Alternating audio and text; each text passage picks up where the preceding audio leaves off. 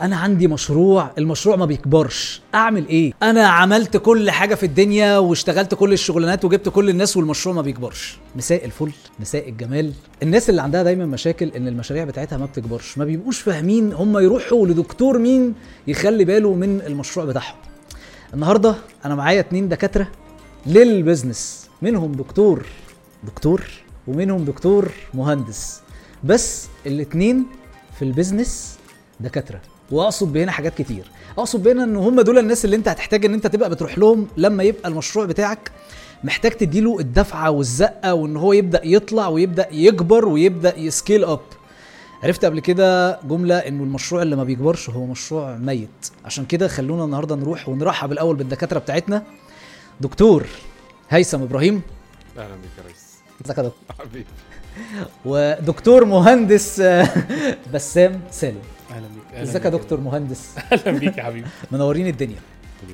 أنا أول مرة أعمل بودكاست يبقى فيه اتنين كبار يدردشوا معايا عن ال business وإزاي الدنيا المفروض تبقى بتتحرك فيه وإزاي أبقى بكبر ال business بتاعي وإزاي أبقى بتحرك.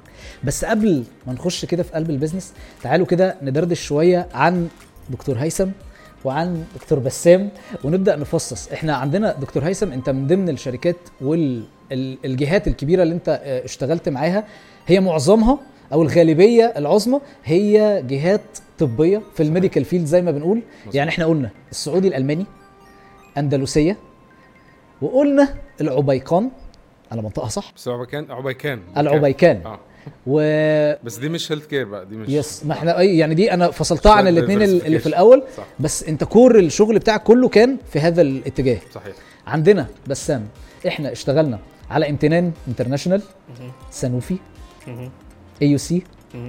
Arab Academy for Science and Technology كليتي الحالية دلوقتي بما إني بعمل ال MBA فإحنا هنقعد عايزين ندردش على اللي كنتوا بتعملوه أكتر في ال ال الاثنين دول بس من الأول أنا عايز أسأل سؤال بسيط جدا جدا جدا وسهل جدا هسأله الأول لهيثم وبعد كده هرجع أسأله لبسام هو يعني إيه business developer في صورته الأولية البسيطة بص يا سيدي هو concept ال business development ليه مراحل متعددة. في مرحلة متقدمة جدا في ال business دي هنجي لها بعدين. وفي مرحلة اللي هي ال- اللي الناس initially بتسأل عنها. ال business developer ده اللي هو المفروض إنه شخص بينقل ال business من مرحلة لمرحلة ببساطة. أنت عندك وضع حالي أنت أنت فيه دلوقتي وعندك حاجة أنت بتستهدفها position معين عايز توصل له. الراجل ده اللي بيحدد ال gap اللي بين اللي انت فيه دلوقتي وبين اللي انت عايز توصل له بيحددها وبعدين بيحط لها action plan عشان توصل من هنا لهنا ببساطة. ده ده يعني التعريف ال basic. آه التعريف الاولي طب الراجل ده شطارته فين؟ شطارته في إن هو يحدد الجاب لأن ده ده الأصعب. بتقول لي شطارته شطارته فين؟ إن هو يحدد الجاب إن هو يحدد ال- المستوى اللي إحنا فيه دلوقتي عامل إزاي ويحدد المستهدف عامل إزاي فالفراغ اللي في النص بين الاتنين ده تحديده مش سهل. في ناس بتفتكر ان إن تحديد ال- الهدف سهل وتحديد الفرق بين اللي أنا فيه دلوقتي وبين الوصول للهدف برضه سهل. لا إنك تحدد ده صعب جدا.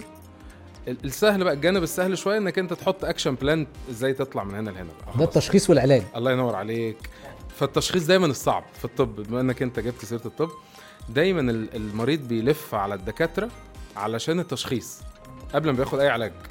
فأنت بتروح من دكتور لدكتور عشان تكشف عشان تطمن إن التشخيص ده هو المناسب. بعدين بقى العلاج بقى عايز تقول لي دواء تقول لي علاج طبيعي تقول لي جلسات بعدين بقى دي نتكلم. تحفة. بسام شايف يا ريس أنت ال business developer أو شغلانة ال business developing تعريفها إيه عندك أنت؟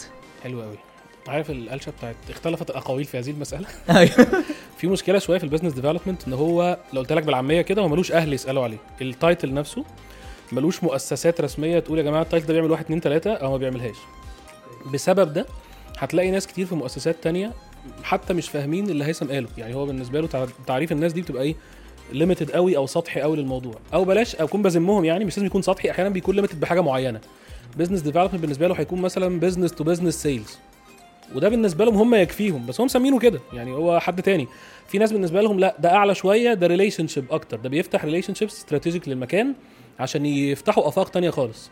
وده برضه ضمن ال definition اللي قاله هيثم بس هم ماسكينه في الحتة دي بس. ده بالنسبة لهم business developer في ناس بالنسبة لهم business developer ده هو هو ال CMO ده اللي ماسك ال marketing كله بكل اللي تحته. فهو أنا بحب هنا جملة لطيفة قوي. سمعتها من حد في ال AC يعني مش قادر أنساها من ساعتها لأن هي حلت لي المشكلة في جملة.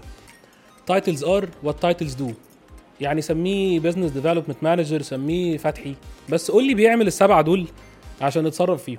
ال definition اللي قاله هيثم ميزته إن هو مجمع كل ده لو أنت فعلا عايزه يعمل يعني اللي المفروض مفيش حد غيره هيعمله وده الحل الحقيقي في إن أنا أحط title إني ما أجيش أحط في 7 titles مثلا أو 5 titles في مكان وأكتشف إن في function معينة هتنجح ال business مش متوزعة على ولا واحد فيهم. أنا كده عملت gap في المكان من أولها.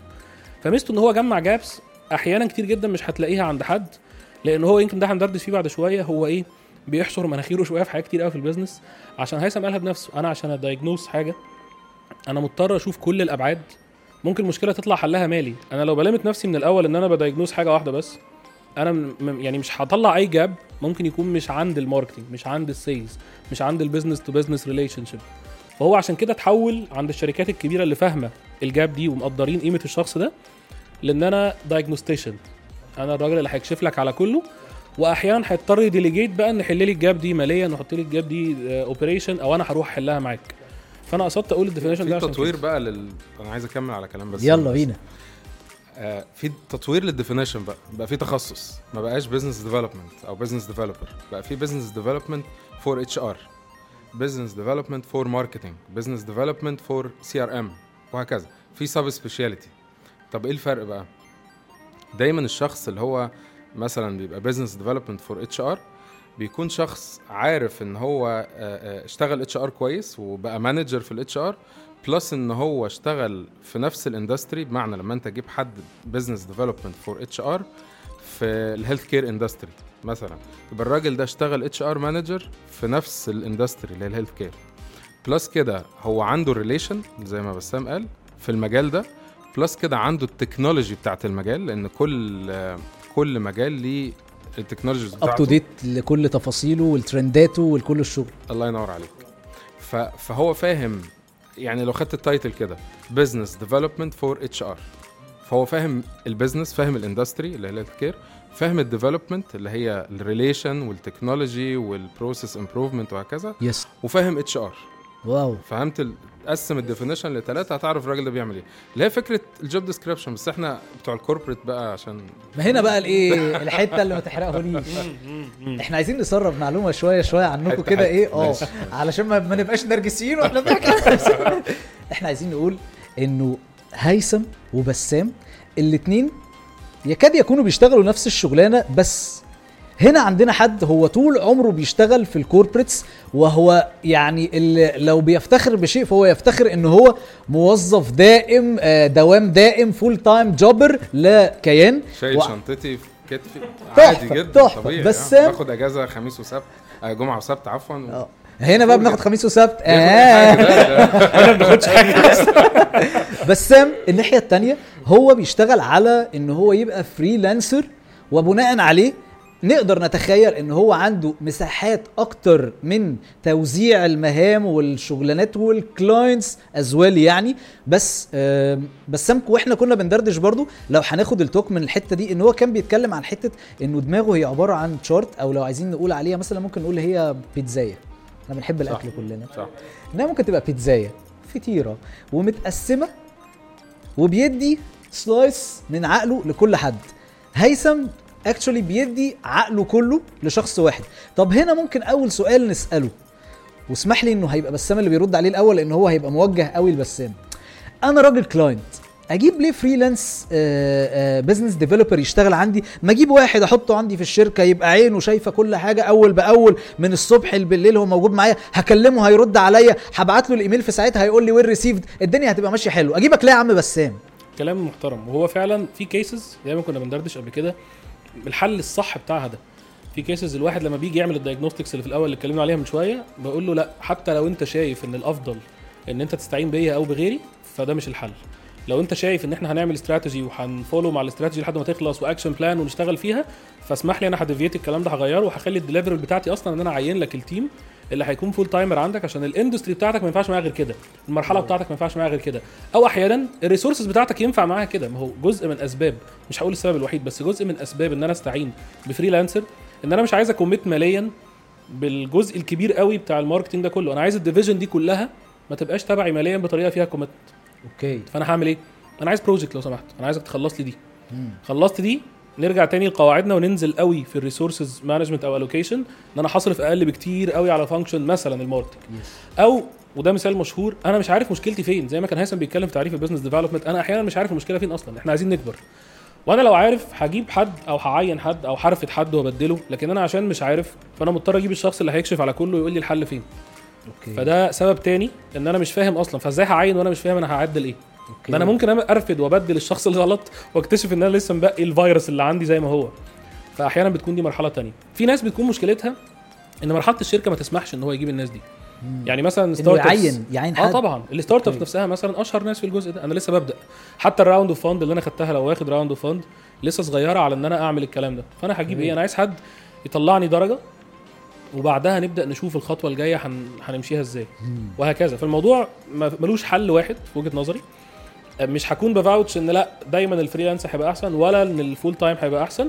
هي contextual جدا هي حسب الحالة نفسها. بالعكس كل ما هتزداد استقرارا ده بالمنطق. yes كل ما هتستعين أكتر على الأقل في الحاجات اللي stable أنا عايز marketing manager عايز business development manager عايز commercial manager وهكذا. وساعتها الشخص التاني ممكن تحتاجه في task في project في دخول بلد معينة. يعني في Yes. cases من ال cases اللي إحنا عملناها بس ما اتكلمش من غير consent يعني. yes آه، كانت ال task نفسها عبارة كده. إحنا عندنا marketing manager عندنا department عندنا الكلام ده كله. بس إحنا هنخش مكان تاني خالص هنخش أوروبا. okay. فأنا مش هينفع الشخص ده أقول له ال know how بتاعتك انقلها من الوطن العربي على Europe. أنا عايز حد task oriented أكتر. تعالى يا باشا ال project ده غرضه إن إحنا نخش Europe عن طريق البلد الفلانية. okay. اتصرف. بعد ال case دي ما تخلص إحنا عارفين هنكون stable enough إن إحنا برضه هنعمل نفس ال replica بقى اللي إحنا عاملينه في الشرق الأوسط Yes. وهيبقى عندنا فريق متعين المرحلة اللي في النص دي هنجيب لها مين؟ انت محتاج style طرزان ده محتاج. ال task. force تخلص شغلها وتتكل على الله لموا حاجاتكم وامشوا تحفة بس فهو الموضوع بالسياق مش مش بأحسن أو. حلو قوي وأنا مبسوط إن هو انت هنا رميت throw لهيثم إن هو بقى وهو في الشركة بقى بتاعتك إمتى بتحس إن أنت مختار freelance business developer وإمتى بتحس إنه الشركة دي ما ينفعش يشتغل معاها غير لازم حد يبقى موجود وحاطط إيده في قلب الملفات كلها بس أقول لك حاجة أنت قلت حاجة حلوة قوي لما بدأت الكلام مع بسام قلت له إن دماغه بقت عاملة زي البيتزاية. فيها مثلا 8 عملاء كل عميل بياخد slice مش دي الدماغ؟ ف... فلو هو عنده 8 عملاء فهو دماغه خلاص خلصت كده enough تماما. أنت العكس بقى في ال corporates أنا بديك الوجبة كاملة برزها ببطاطستها. بالبيبسي آه وجبة كاملة. ممكن يبقى فيها slice واحدة بيتزا. على حتة تشيز كيك بس أنا مدلعك مقفل لك الحتة كاملة. طبعا ده بيكلف علشان هو بيعمل إيه؟ mass production بيطلع لك بيتزاية ووزع البيتزا على الناس. إنما أنا بديك وجبة كاملة.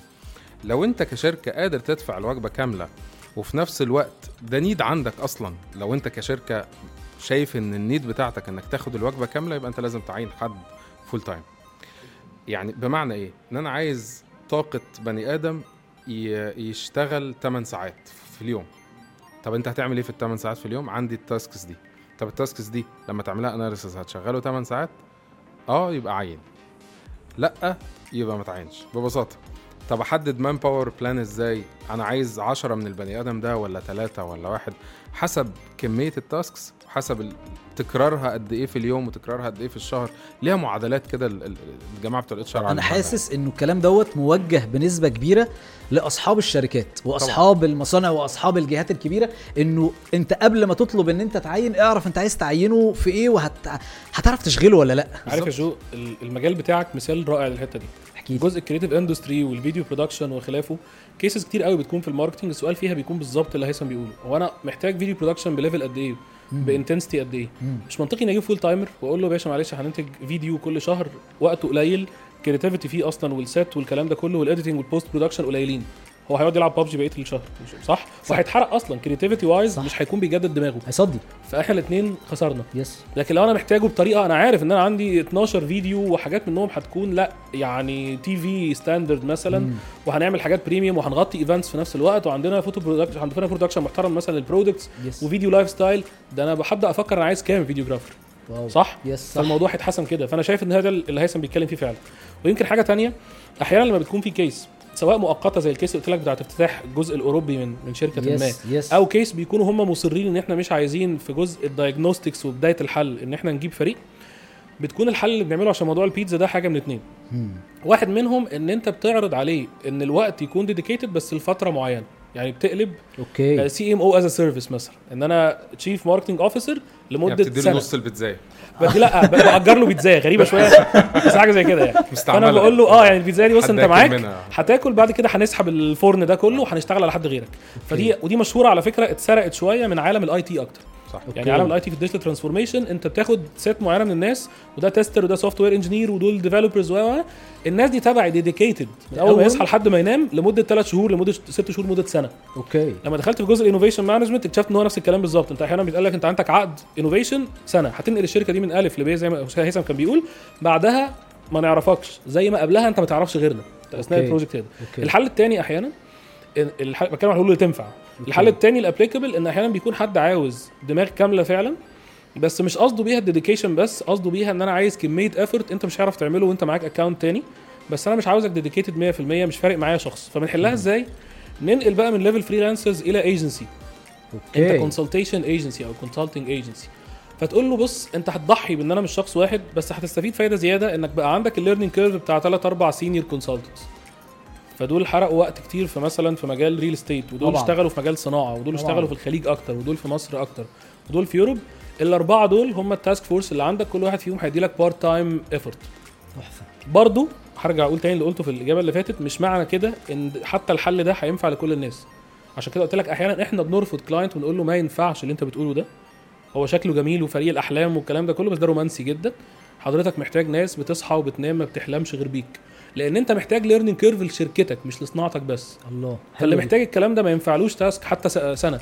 ما أنا هخلص ال learning curve واتكل على الله وأمشي من عنده. تحفة. هيجيب الشخص الجديد. معلش ابدأ معانا بقى نبني جزء جديد من طب ليه؟ ليه من صح، الأول؟ صح. صح. هاته من الأول يبني الليرنينج كيرف ده بالذات لو أنت unique قوي ومحتاج ال learning curve ده معاك. أنت خدتني لحتة عظيمة جدا وهي حتة اختيار ال clients ده إحنا عايزين بقى هنا نقعد ندردش فيها. أنا أنا منكم يعني بسمع لأول مرة حتة إنه إحنا اللي بنختار ال client اللي إحنا هنشتغل معاه. طب خليني يا هيثم أنت اللي تحركني في الحتة دي. هو إحنا فعلا ممكن نختار ال client اللي إحنا نروح له؟ وإمتى ممكن نقول لل client لأ؟ حلو قوي الموضوع ده ليه وشين. إمتى ال client يختار ال agency وإمتى الايجنسي تختار الكلاينت الايجنسي بتختار الكلاينت بداية كده حسب البيتزاية. لأن ممكن ايجنسي تفتكر إن هي ممكن تستوعب عدد ضخم جدا من ال من ال clients بأحجام مختلفة من ال clients أنا ممكن آخد شركة أرامكو السعودية بتاعه البترول وآخد شركة حمادة البقالة اللي تحت ما عندوش مشاكل. فهي مكونة من عدد كلاينتس أحجام الكلاينتس كاتيجوري الكلاينتس ده عايز any quality وده عايز any quality لأن أنا بقدم quality معينة. ال pricing كمان مهم جدا. أنا ال pricing package بتاعتي بتعبر عني أنا ك كايجنسي فبالتالي لما أحط pricing يناسب حمادة غير اللي يناسب أرامكو. الايجنسي بتختار ال client آه ففي وجهة نظري إن الايجنسي لازم تحدد ال clients آه ك category عن طريق ال capacity بتاعتنا نقدر نستوعب كام client ك team وفي نفس الوقت أنهي category ده اللي هيترتب عليه التسعير هيترتب عليه ال relation لأن ال client العالي قوي ده محتاج account manager هو أنا ممكن أستخدم كاميرا الموبايل عشان أعمل بيها فيديوهات احترافية؟ الإجابة طبعا ينفع. التصوير هو إيه اللي هنا مش اللي هنا.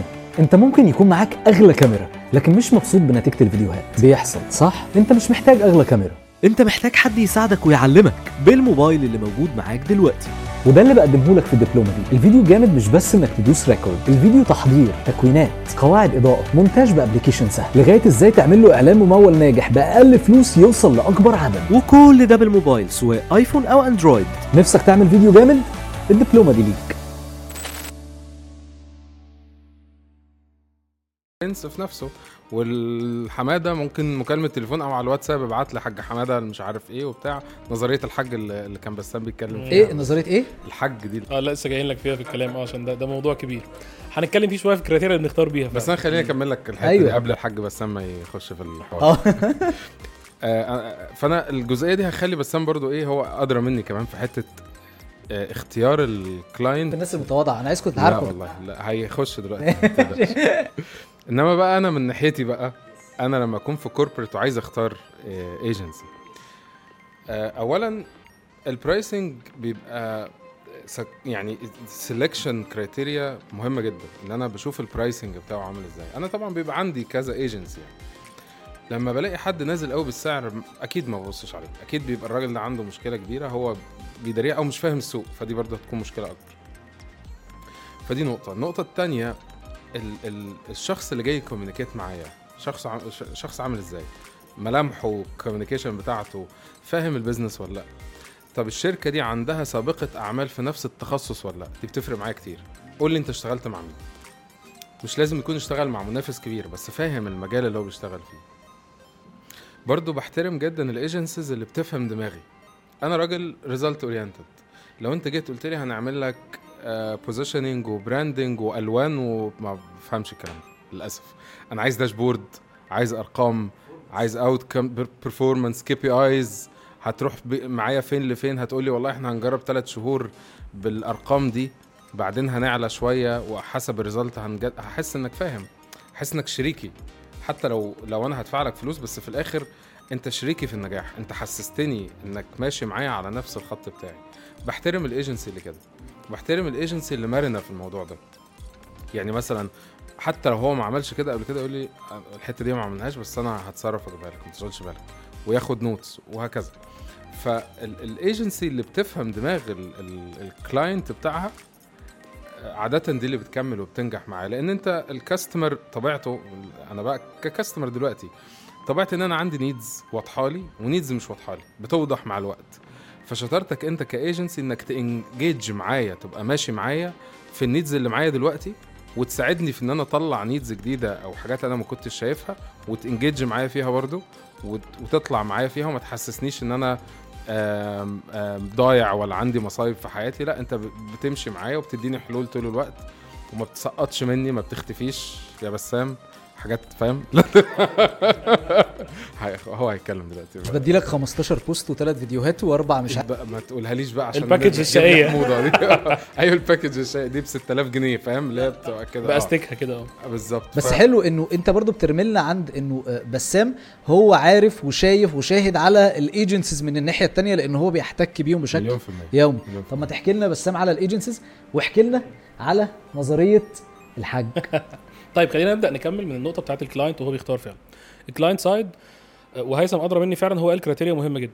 خليني أقول لك إن النقطة دي مش كل ال agencies حتى مدركاها أو حتى ال freelancers هو في ناس منهم يعني I am what I am عارف؟ أنا اللي حصل حصل وأنا هقول لك أنا زي إيه وخلاص. ما بيخططش أصلا. ودي مصيبة شوية عارف؟ المثل بتاع باب النجار مخلع اللي هو هو ممكن يقول للناس لازم تعملوا positioning وهو نفسه يجي والله هي زي ما جت كده دي قصة حياتنا وإحنا عملنا الكلام ده ومش فارق معاه ما بيفكرش في ال pricing بي price بطريقة ال- الصنايعية اللي هو إيه الطريقة الصناعيه وطبعا مش بتكلم في ذم ليهم بقول إن هم ليهم الحق يعملوا ده بس ما ينفعش تفتح ايجنسي وتعمل كده. إن أنا هعمل لك شغل فين؟ في المنطقة الفلانية فهعمله ب X. هنزل المنطقة التانية دي هعمله ب X على 10 ما عنديش مشكلة. بس ده معناه إن أنت في واحد منهم كنت under rating خالص لنفسك وواحد منهم كنت over rating معناه إن أنت ممكن تخلي ال quality نفسها تقللها مش حسب رغبة العميل حسب ال pricing ماشي إزاي. فالموضوع ما بيبقاش فيه تركيز قوي ما بين ال value اللي بديها وما بين ال price هو أنا بس احاول أقفل ال deal وخلاص اليوم بيومه زي ما بيقولوا.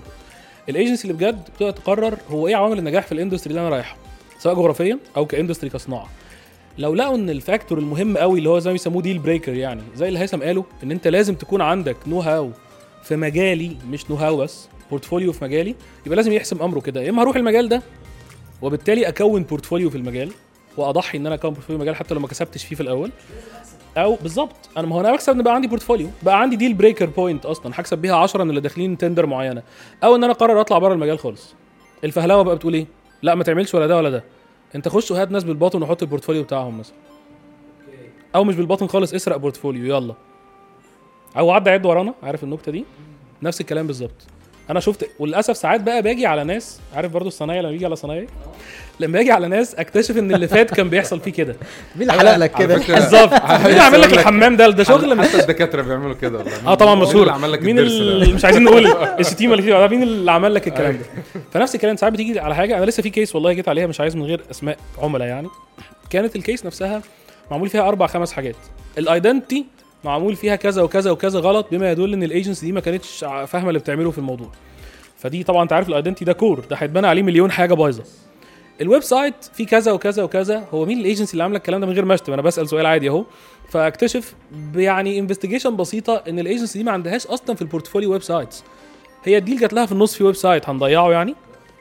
حتى هن recommend ناس. أنا ما كنتش هزعل لو كانوا recommended ناس وخدوا commission ما هو في الآخر ال commission ده من ال pricing بتاع الناس دي. بديل لل cost بتاع ال acquisition لا هم دخلوها بالباطن وجابوا أي حد يخلص لهم الزنقة اللي حطوا نفسهم فيها. وطز بقى في ال quality غيروا ال technology stack نفسها وخلوها على حاجة غلط عشان اللي جابوه مش هينفع يعمل غير كده. فتلاقي بقى أخطاء من دي كتير. فاللي أقصد أقوله هنا خطط لنفسك زي ما أنت المفروض بتقول إنك بتخطط للعملاء بتوعك.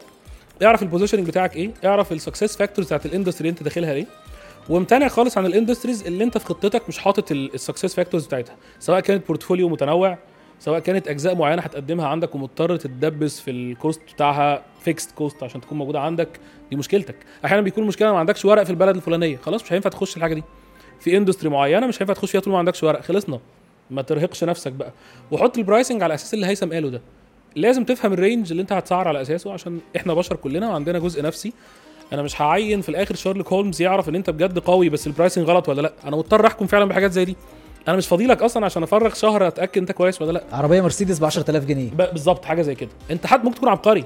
وضايع في ال pricing بتاعك أو عندك سبب تاني بتضحي عشانه بس أنا مش مهمتي إني ا consider الكلام ده وأخاطر. Questionable person. بس. أو questionable agency. فهيثم حد عنده اهتمام بال performance وبالتالي بالنسبة له أنا مش هضيع أصلا ال quality بتاعت وقتي أنا اللي ممكن أعمل بيها حاجات تانية للشركة إن أنا أتأكد إن أنت مظلوم يا عيني. فأنا مضطر أعمل إيه؟ account manager عنده مشكلة؟ شكرا. مش فاهمني؟ شكرا.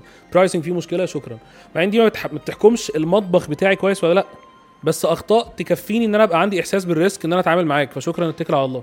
مش هشتغل معاك أنا خلاص آخر ايجنسي يعني تعاملت معاه في الموضوع ده قالوا لي كان الشاب قاعد قدامي فبيقول لي ما هو أصل حضرتك مش فاهم ال digital marketing مش بس outcome لا في حاجات أهم من كده.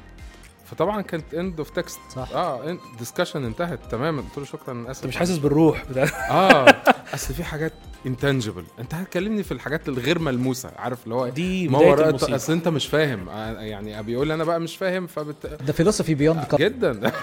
آه آه هو بيدخلك فجأة في روح الفن وأنت إيه اللي- ف... ودول level يعني يمكن ممكن نتكلم عنه أكتر في المصايب اللي بتحصل في المجال في حتة ال misconceptions أو ال- البلاوي اللي في المجال شوية. من ناحية شغل النصب شوية في حتة الحاجات ال intangible دي هي آه في حاجات في ال marketing directly intangible مش هتعرف تمسكها في لحظتها. yes بس حتى ال directly intangible ممكن تخليه ي accumulate في الآخر في حاجة tangible it has to be measurable. هو مش فن خلينا واضحين. يعني آه ال art creative industry yes هي ال art متقاطع فيها مع ال business بس لازم تفهم كويس إن دي دايرة ودي دايرة. هم متقاطعين في حاجات. بس أنا مش رايح آخد جائزه الدولة الإبداعية في حاجة معينة. أنا رايح أزود ال sales 20% فبلاش نضحك على بعض وشغل ال... أصل أي حاجة ألزق فيها وعايز أهرب أقول إيه؟ branding يلا.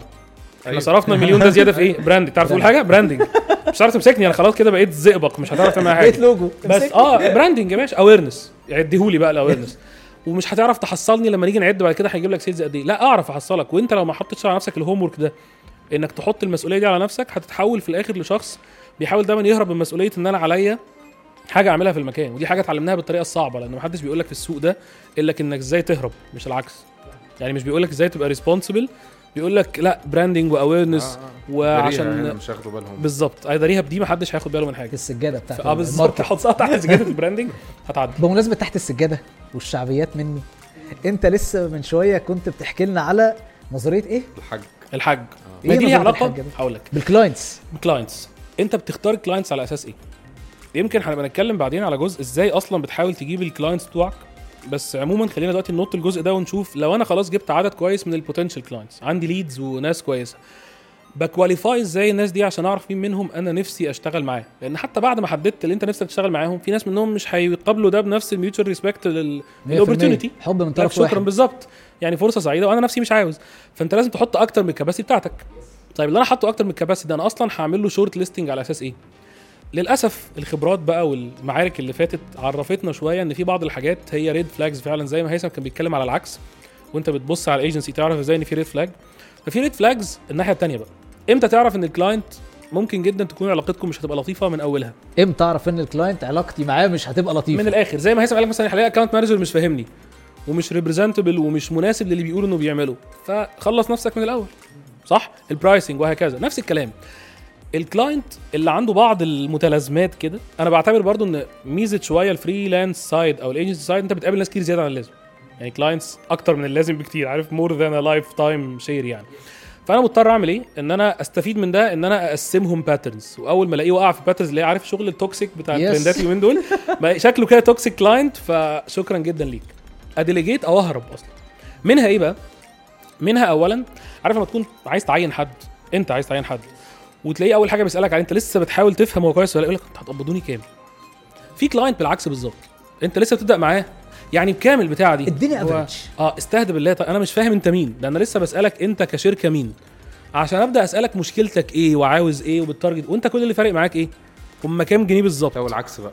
وحضرتك حاطط كام budget آه الجملة الفظيعة. أيوه أنت حضرتك ما سمعتش ال project أصلا. أنت آه، آه، طب أنت حضرتك عايز كام campaign أيوه هو إيه؟ أنت اللي هتقول لي. الايجنسي عندها المفروض أسئلة هي اللي تجاوب عليها. أنا أنا ما عنديش budget معينة. أنا بقول لك أنا ال objective بتاعي كذا. أنا عايز أوصل لعدد clients أو number of leads كذا. نشوف بقى هنجيب ال budget بعد كده إزاي وهيبقى في. founder ولا هيبقى آه. في investor ولا incubator ولا budget ك كام؟ اللي هو أنا هقلبك في كام فاهم؟ اللي هو- مشكلة. أنا بسمعها كده. آه يعني- آه، وهشوف أنت تساوي كام قدامي دلوقتي. بالظبط. يعني أكمل قاعدة ولا أبدأ أقول لك معلش أصل ال meeting الجاي بقى ما خلاص أنت مش بالنسبة لي مش مهم للدرجة دي. حاجة نغششها للناس اللي بتتفرج. آه ما طبعا. تسألوش على الأسعار من, خالص من دلوقتي. الطرفين مش منطقي تخلي السعر في الأول. لأن أنت أصلا ما وزنتش باقي ال case yes سواء أنت ما وزنتش الايجنسي دي أو ال consultant ده هيعمل لك إيه؟ فمش منطقي تتكلم في السعر من الأول. وهتدي له bad impression حتى لو انت مظلوم إحنا اتكلمنا من شوية إن مفيش حاجة اسمها ظلم السؤال في هنا السعر يعني يا إما بيبقى شمال يمين يا إما يمين شمال يعني في استراتيجي إن أنت ككلاينت اللي تقول السعر تقول له أنا أنا بص أنا الليلة دي هدفع فيها 100000 ك تكت أيوة. شورت عليه آه. علشان هو ما يحلمش أكتر من نفسك فيهم صح وفي صح. في نفس الوقت إن أنت اللي تقول لي والله تبيلد اب بقى الكوست. بتاعتك Yes. وتقول لي والله في الآخر ده هيكلفك كذا ونيجوشيت مع بعض ده بينفع شركات وده بينفع شركات. لكن انت هتقول لي عارف الصينيين انت ممكن تروح للصين تقول لهم أنا عايز موبايل زي الآيفون اللي معاك ده عايزه بخمسة دولار. عارفها هو هو هيتشقلب ويعمله لك. آه. فالإيجنسي ال- ال- ال- اللي عندها flexibility بتقدر تعمل كده. طبعا مش مش مش من 5 دولار ل 100000 لا أقصد في range الأسعار ال accepted زي ما كنا بنتكلم على ال categories فأنت تقدر تعمل كده تقدر تقلب نفسك في في ال range ده. فما تبقاش طريقتك الوحيدة ال approach الوحيد بتاعك كايجنسي إن أنت تسأل على ال budget كام ولا إن أنت برضو تبقى داخل ترمي أسعارك من غير أي نيجوشيشن من غير ما تبقى حاطط سيناريوهات لو العميل ما عجبوش السعر نبدأ نشيل منين ونحط على إيه وتبدأ تطلع opportunity تانية. وخلي بالك ال agencies الأذكياء مش بترمي كل مفاتيحها في نفس الوقت. بتدي لك حاجة أنت عجبتك واشتريتها بيبدأ يدي لك supportive service جنبها بيبدأ يحط لك حاجة جنبها. يخليك دايما عايز تشتري منه. Yes. هو هي بيسهلها عليك. آه، وكمان في ما يخليكش تعرف تنام منه خلاص. انت ك client انت دايما excited الله ينور لما عليك. هيفاجئوني ب value زيادة إيه؟ عارف مش آه، جبت آخرك من أولها. أنا دايما بقول إن دايما بقول إن ال- العلاقة بين ال client وأي شركة أو أي منتج زي الجواز. أنت طول ما أنت بتبهر طول ما انت راجل زي الفل عريس هتقفل هتبقى خرس الزوجي عارف اللي هو مش لاقيين مواضيع نفتحها خلاص. الزوجة. آه بالظبط والله. فانت لازم طول الوقت زي ما إحنا ما إحنا agencies بتوع marketing ففاهمين يعني إيه product life cycle ال product بيطلع بيطلع وبعدين بينزل. أول لما بيبدأ ينزل بتعمل إيه؟ بتعمل أي innovation. بتفكر أي آه extension. تطلع فوق يكمل. طب ما هي دي نفس الحكاية ال relation بين ال agency وال corporate أو أي شركة بتشتغل أي account بتشتغل عليه the same انت لازم تديله الحاجات لحد ما يعلى بيك وبعدين أول لما تبدأ تبقى في البلاتو تقوم ضارب product جديد أو innovation process جديدة تخليه بقى يشتري أكتر وهكذا. زي Apple اتفضل. بنشوف في Apple كده كتير يعني عن الجزء ده إن هي كل شوية تطلع لنا ب innovation في حتة طبعا. في تكنيك في حاجة علشان تصحصح أول لما الناس تقول لا ده Apple خلاص بتقع. نفضل في نفس ال excitement خلينا أكمل لك على النقطة اللي أنت كنت بتتكلم فيها بتاعت اختيار العميل هنا. yes إن الموضوع شبه برضه التوظيف في إيه؟ وشبه الجواز by the في نفس الحتة. ال attitude أهم من ال resources نفسها. يعني حتى لما ضربنا من شوية أنا وهيثم مثال ال- ال pricing ما كانش قصدنا على السعر نفسه. الايجنسي الصح ممكن تكون حاطة إن الميزانية مش هتقل عن كذا وتعرف توصلك ليها حتى لو ما فتحناش الموضوع ده في الأول. فهو المشكلة أكتر في ال attitude أنت أول ما تكتشف بعض ال attitudinal signals عند ال client تبدأ تفهم إن العلاقة هتبقى من أولها صعبة جدا وغالبا ما هو أنا وظيفتي إيه؟ إن أنا أنجحك في journey معينة. بكتشف ال attitude إن أنا مش هعرف أنجحك لأن أنت أصلا هيبقى ما بيننا صراعات أكتر من النجاح. أو إن أنت قافل على نفسك باب للنجاح أنا مش هعرف افتحه لك أكيد مش هنقعد نعمل therapy يعني أنا مش جاي على زي بالظبط الموظف برضه. هرجع أقول لك أنا مش هجيب موظف وأبدأ أعمل له therapy و mentorship و coaching خمس ست سنين عشان يبدأ يبقى مناسب للوظيفة. ده كده ابني مش مش موظف. مجرد ما بقى مناسب هو هيسيبني ويمشي. وأنا أصلا ليه أعمل كل... أبقى invest فيه كل ده ليه؟ صح. ما هو السوق فيه ناس تانية. صح. إحنا بنتكلم براجماتيا إحنا. بنتكلم في business مش. كلام رومانسي. خلينا. نتكلم عملي. نفس الكلام بالظبط. أنا لقيت client أنا محتاج أقنعه اق- اقتناعات مبدئية في ال concepts الأساسية بتاعت حياته عشان يبدأ يقتنع مثلا إن أنا جايب واحد وبحط عليه مسؤولية فلازم قصادها يكون قصاد المسؤولية دي responsibility معاها authority ببدأ أتكلم في مبادئ. طب ليه بنحرق وقت بقى؟ أنا أروح لواحد عنده المبدأ ده حتى لو عنده challenge في ال resources ده أرحم بالنسبة لي. بالظبط نفس الجملة بتاعت يعني في كذا حد سمعها مني كتير من كتر ما بقولها بتاعت hire for attitude train for the skills هي هي بالظبط. بس مش هقول بقى skills هنا أنت ممكن ت hire for attitude على ال client وت develop ال resources معاه. فالمشكلة في ال resources بالنسبة لي أرحم بكتير من مشكلة ال attitude وهنا جت المتلازمات بقى اللي أنا بتكلم عليها دايما بهزار. متلازمة الحاج دي بالنسبة لي. أنا حاطط كام جملة كده الحاج أو المعلم زي ما زي ما أنت حاببها يعني. وفي ناس كتير حتى بتقولها بقلش شوية على ال agency side أول ما تلاقي ال business ال owner بتاعه اسمه الحاج اجري. هم مش قصدهم خالص stereotyping بالعكس. يعني هو الموضوع بس إن هو بيقولوا إن في نسبة منهم مش قليلة significant enough يعني statistically إن بيكون فيها الحاج ده هو شخص عصامي. ده معنى كلمة متلازمة بقى. هنتكلم كلام دكاترة. ففي مجموعة symptoms كتير قوي بيتجمعوا ب root causes مع بعض فدي متلازمة. فبتلاقي شخص غالبا عصامي بدأ من الصفر وتحت الصفر عمل إنجاز مهول. الإنجاز ده فعلا لما تيجي تبص له أنت ممكن تعمل documentary على الشخص ده من كتر هو نجح نجاح فظيع. كل ده جميل. بعد كده لو عايزين نضرب مثال من غير ما نتكلم عن حد بعينه عبد الغفور البرعي. ده ال style اللي ممكن تقوله كده بالظبط. مشكلة عبد الغفور البرعي في إيه؟ هل في إن هو ذكي؟ لا ذكي جدا. يعني ما عندوش مشكلة في الغباء أهو. في إن هو مجتهد مجتهد جدا. عنده growth mindset رائعة. بس مشكلته في الأغلب إيه؟ إن هو من كتر النجاح اللي عمله ده ومن الصفر بقى عنده اعتداد رهيب برأيه. وبصراحة عنده حق يحس بكده. يعني الباشا عمل من ال... لما كان بيسقي عيش في الشاي عشان يعرف ي survive اليوم لأنه بقى بيشتري طيارة وعمارات و... هو أنا ممكن أستخدم كاميرا الموبايل عشان أعمل بيها فيديوهات احترافية؟ الإجابة طبعا ينفع. التصوير هو إيه اللي هنا مش اللي هنا. أنت ممكن يكون معاك أغلى كاميرا. لكن مش مبسوط بنتيجة الفيديوهات بيحصل صح؟ انت مش محتاج أغلى كاميرا. انت محتاج حد يساعدك ويعلمك بالموبايل اللي موجود معاك دلوقتي. وده اللي بقدمه لك في الدبلومه دي الفيديو جامد مش بس إنك تدوس record الفيديو تحضير تكوينات قواعد إضاءة مونتاج publication سهل. لغاية إزاي تعمل له إعلان ممول ناجح بأقل فلوس يوصل لأكبر عدد. وكل ده بالموبايل سواء آيفون أو أندرويد. نفسك تعمل فيديو جامد؟ الدبلومه دي ليك. وهكذا. بس يا فهيم افندي انت اوقات بيبقى عندك حق. بس هل هو بيدرك إن فهيم عنده حق ولا اسكت يا فهيم وروح نفذ؟ آه للأسف. فالماشي. فهيم مات باين صح؟ فهيم في الآخر مات يا عيني. وفضل طول عمره بالإقلام اللي حاططها دي آه. وبالبتاع اللي هي الكاك بالبدلة الصيفي. البدلة الصيفي بتاعت زمان دي. والحاج هو اللي كبر. وعلى فكرة مش عيب إن الحاج ده أو المعلم ده يدرك إن أنا مش محتاج غير فهيم افندي أنا ما عنديش أي مشكلة في ده. هو مشكلته إن أنت بتكون محتاج فهيم افندي وجايب واحد تاني خالص جايب ابن الحاج مثلا اللي هو نسيت عبد اسمه الوهاب. دلوقتي، عبد الوهاب اللي هو عنده فإيه اللي هيحصل؟ و- هنكلاش كل خمس دقائق ومش هنعمل حاجة وإنت كنت ماشي في جروث قد كده وعبد الوهاب ده هيمشي في جروث قد كده اللي حصل إحنا الاثنين خبطنا في بعض فإحنا الاثنين نمنا وإحنا الاثنين طالعين من العلاقة برضو بعلاقة طلاق غير صحية كارهين بعض وشايفين إن إحنا الاثنين ده شايف إن ده نصاب وده شايف إن ده نصاب وما بينهم مشاكل واحيانا قواضي بجد طب ما من الأول بقى خالص نبقى إحنا الاثنين عندنا الحكمة الكافية إن إحنا نقرأ بعض إن إنت محتاج منفذ هات فهيم افندي فعلا.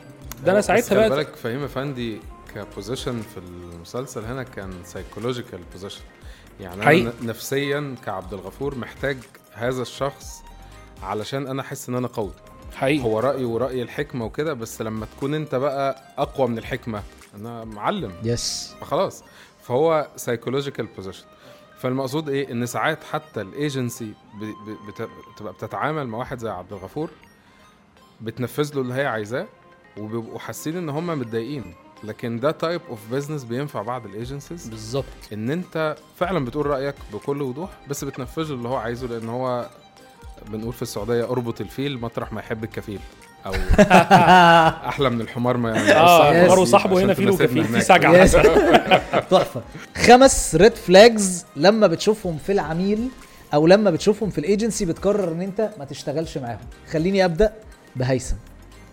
بص يا سيدي أنا عندي مشكلة بقى مع الأيجنسي. اولا اللي هي إيه أنا مسلمها نفسي. أنا أقول له مثلا إيه أنا مفتاحي كذا. مم.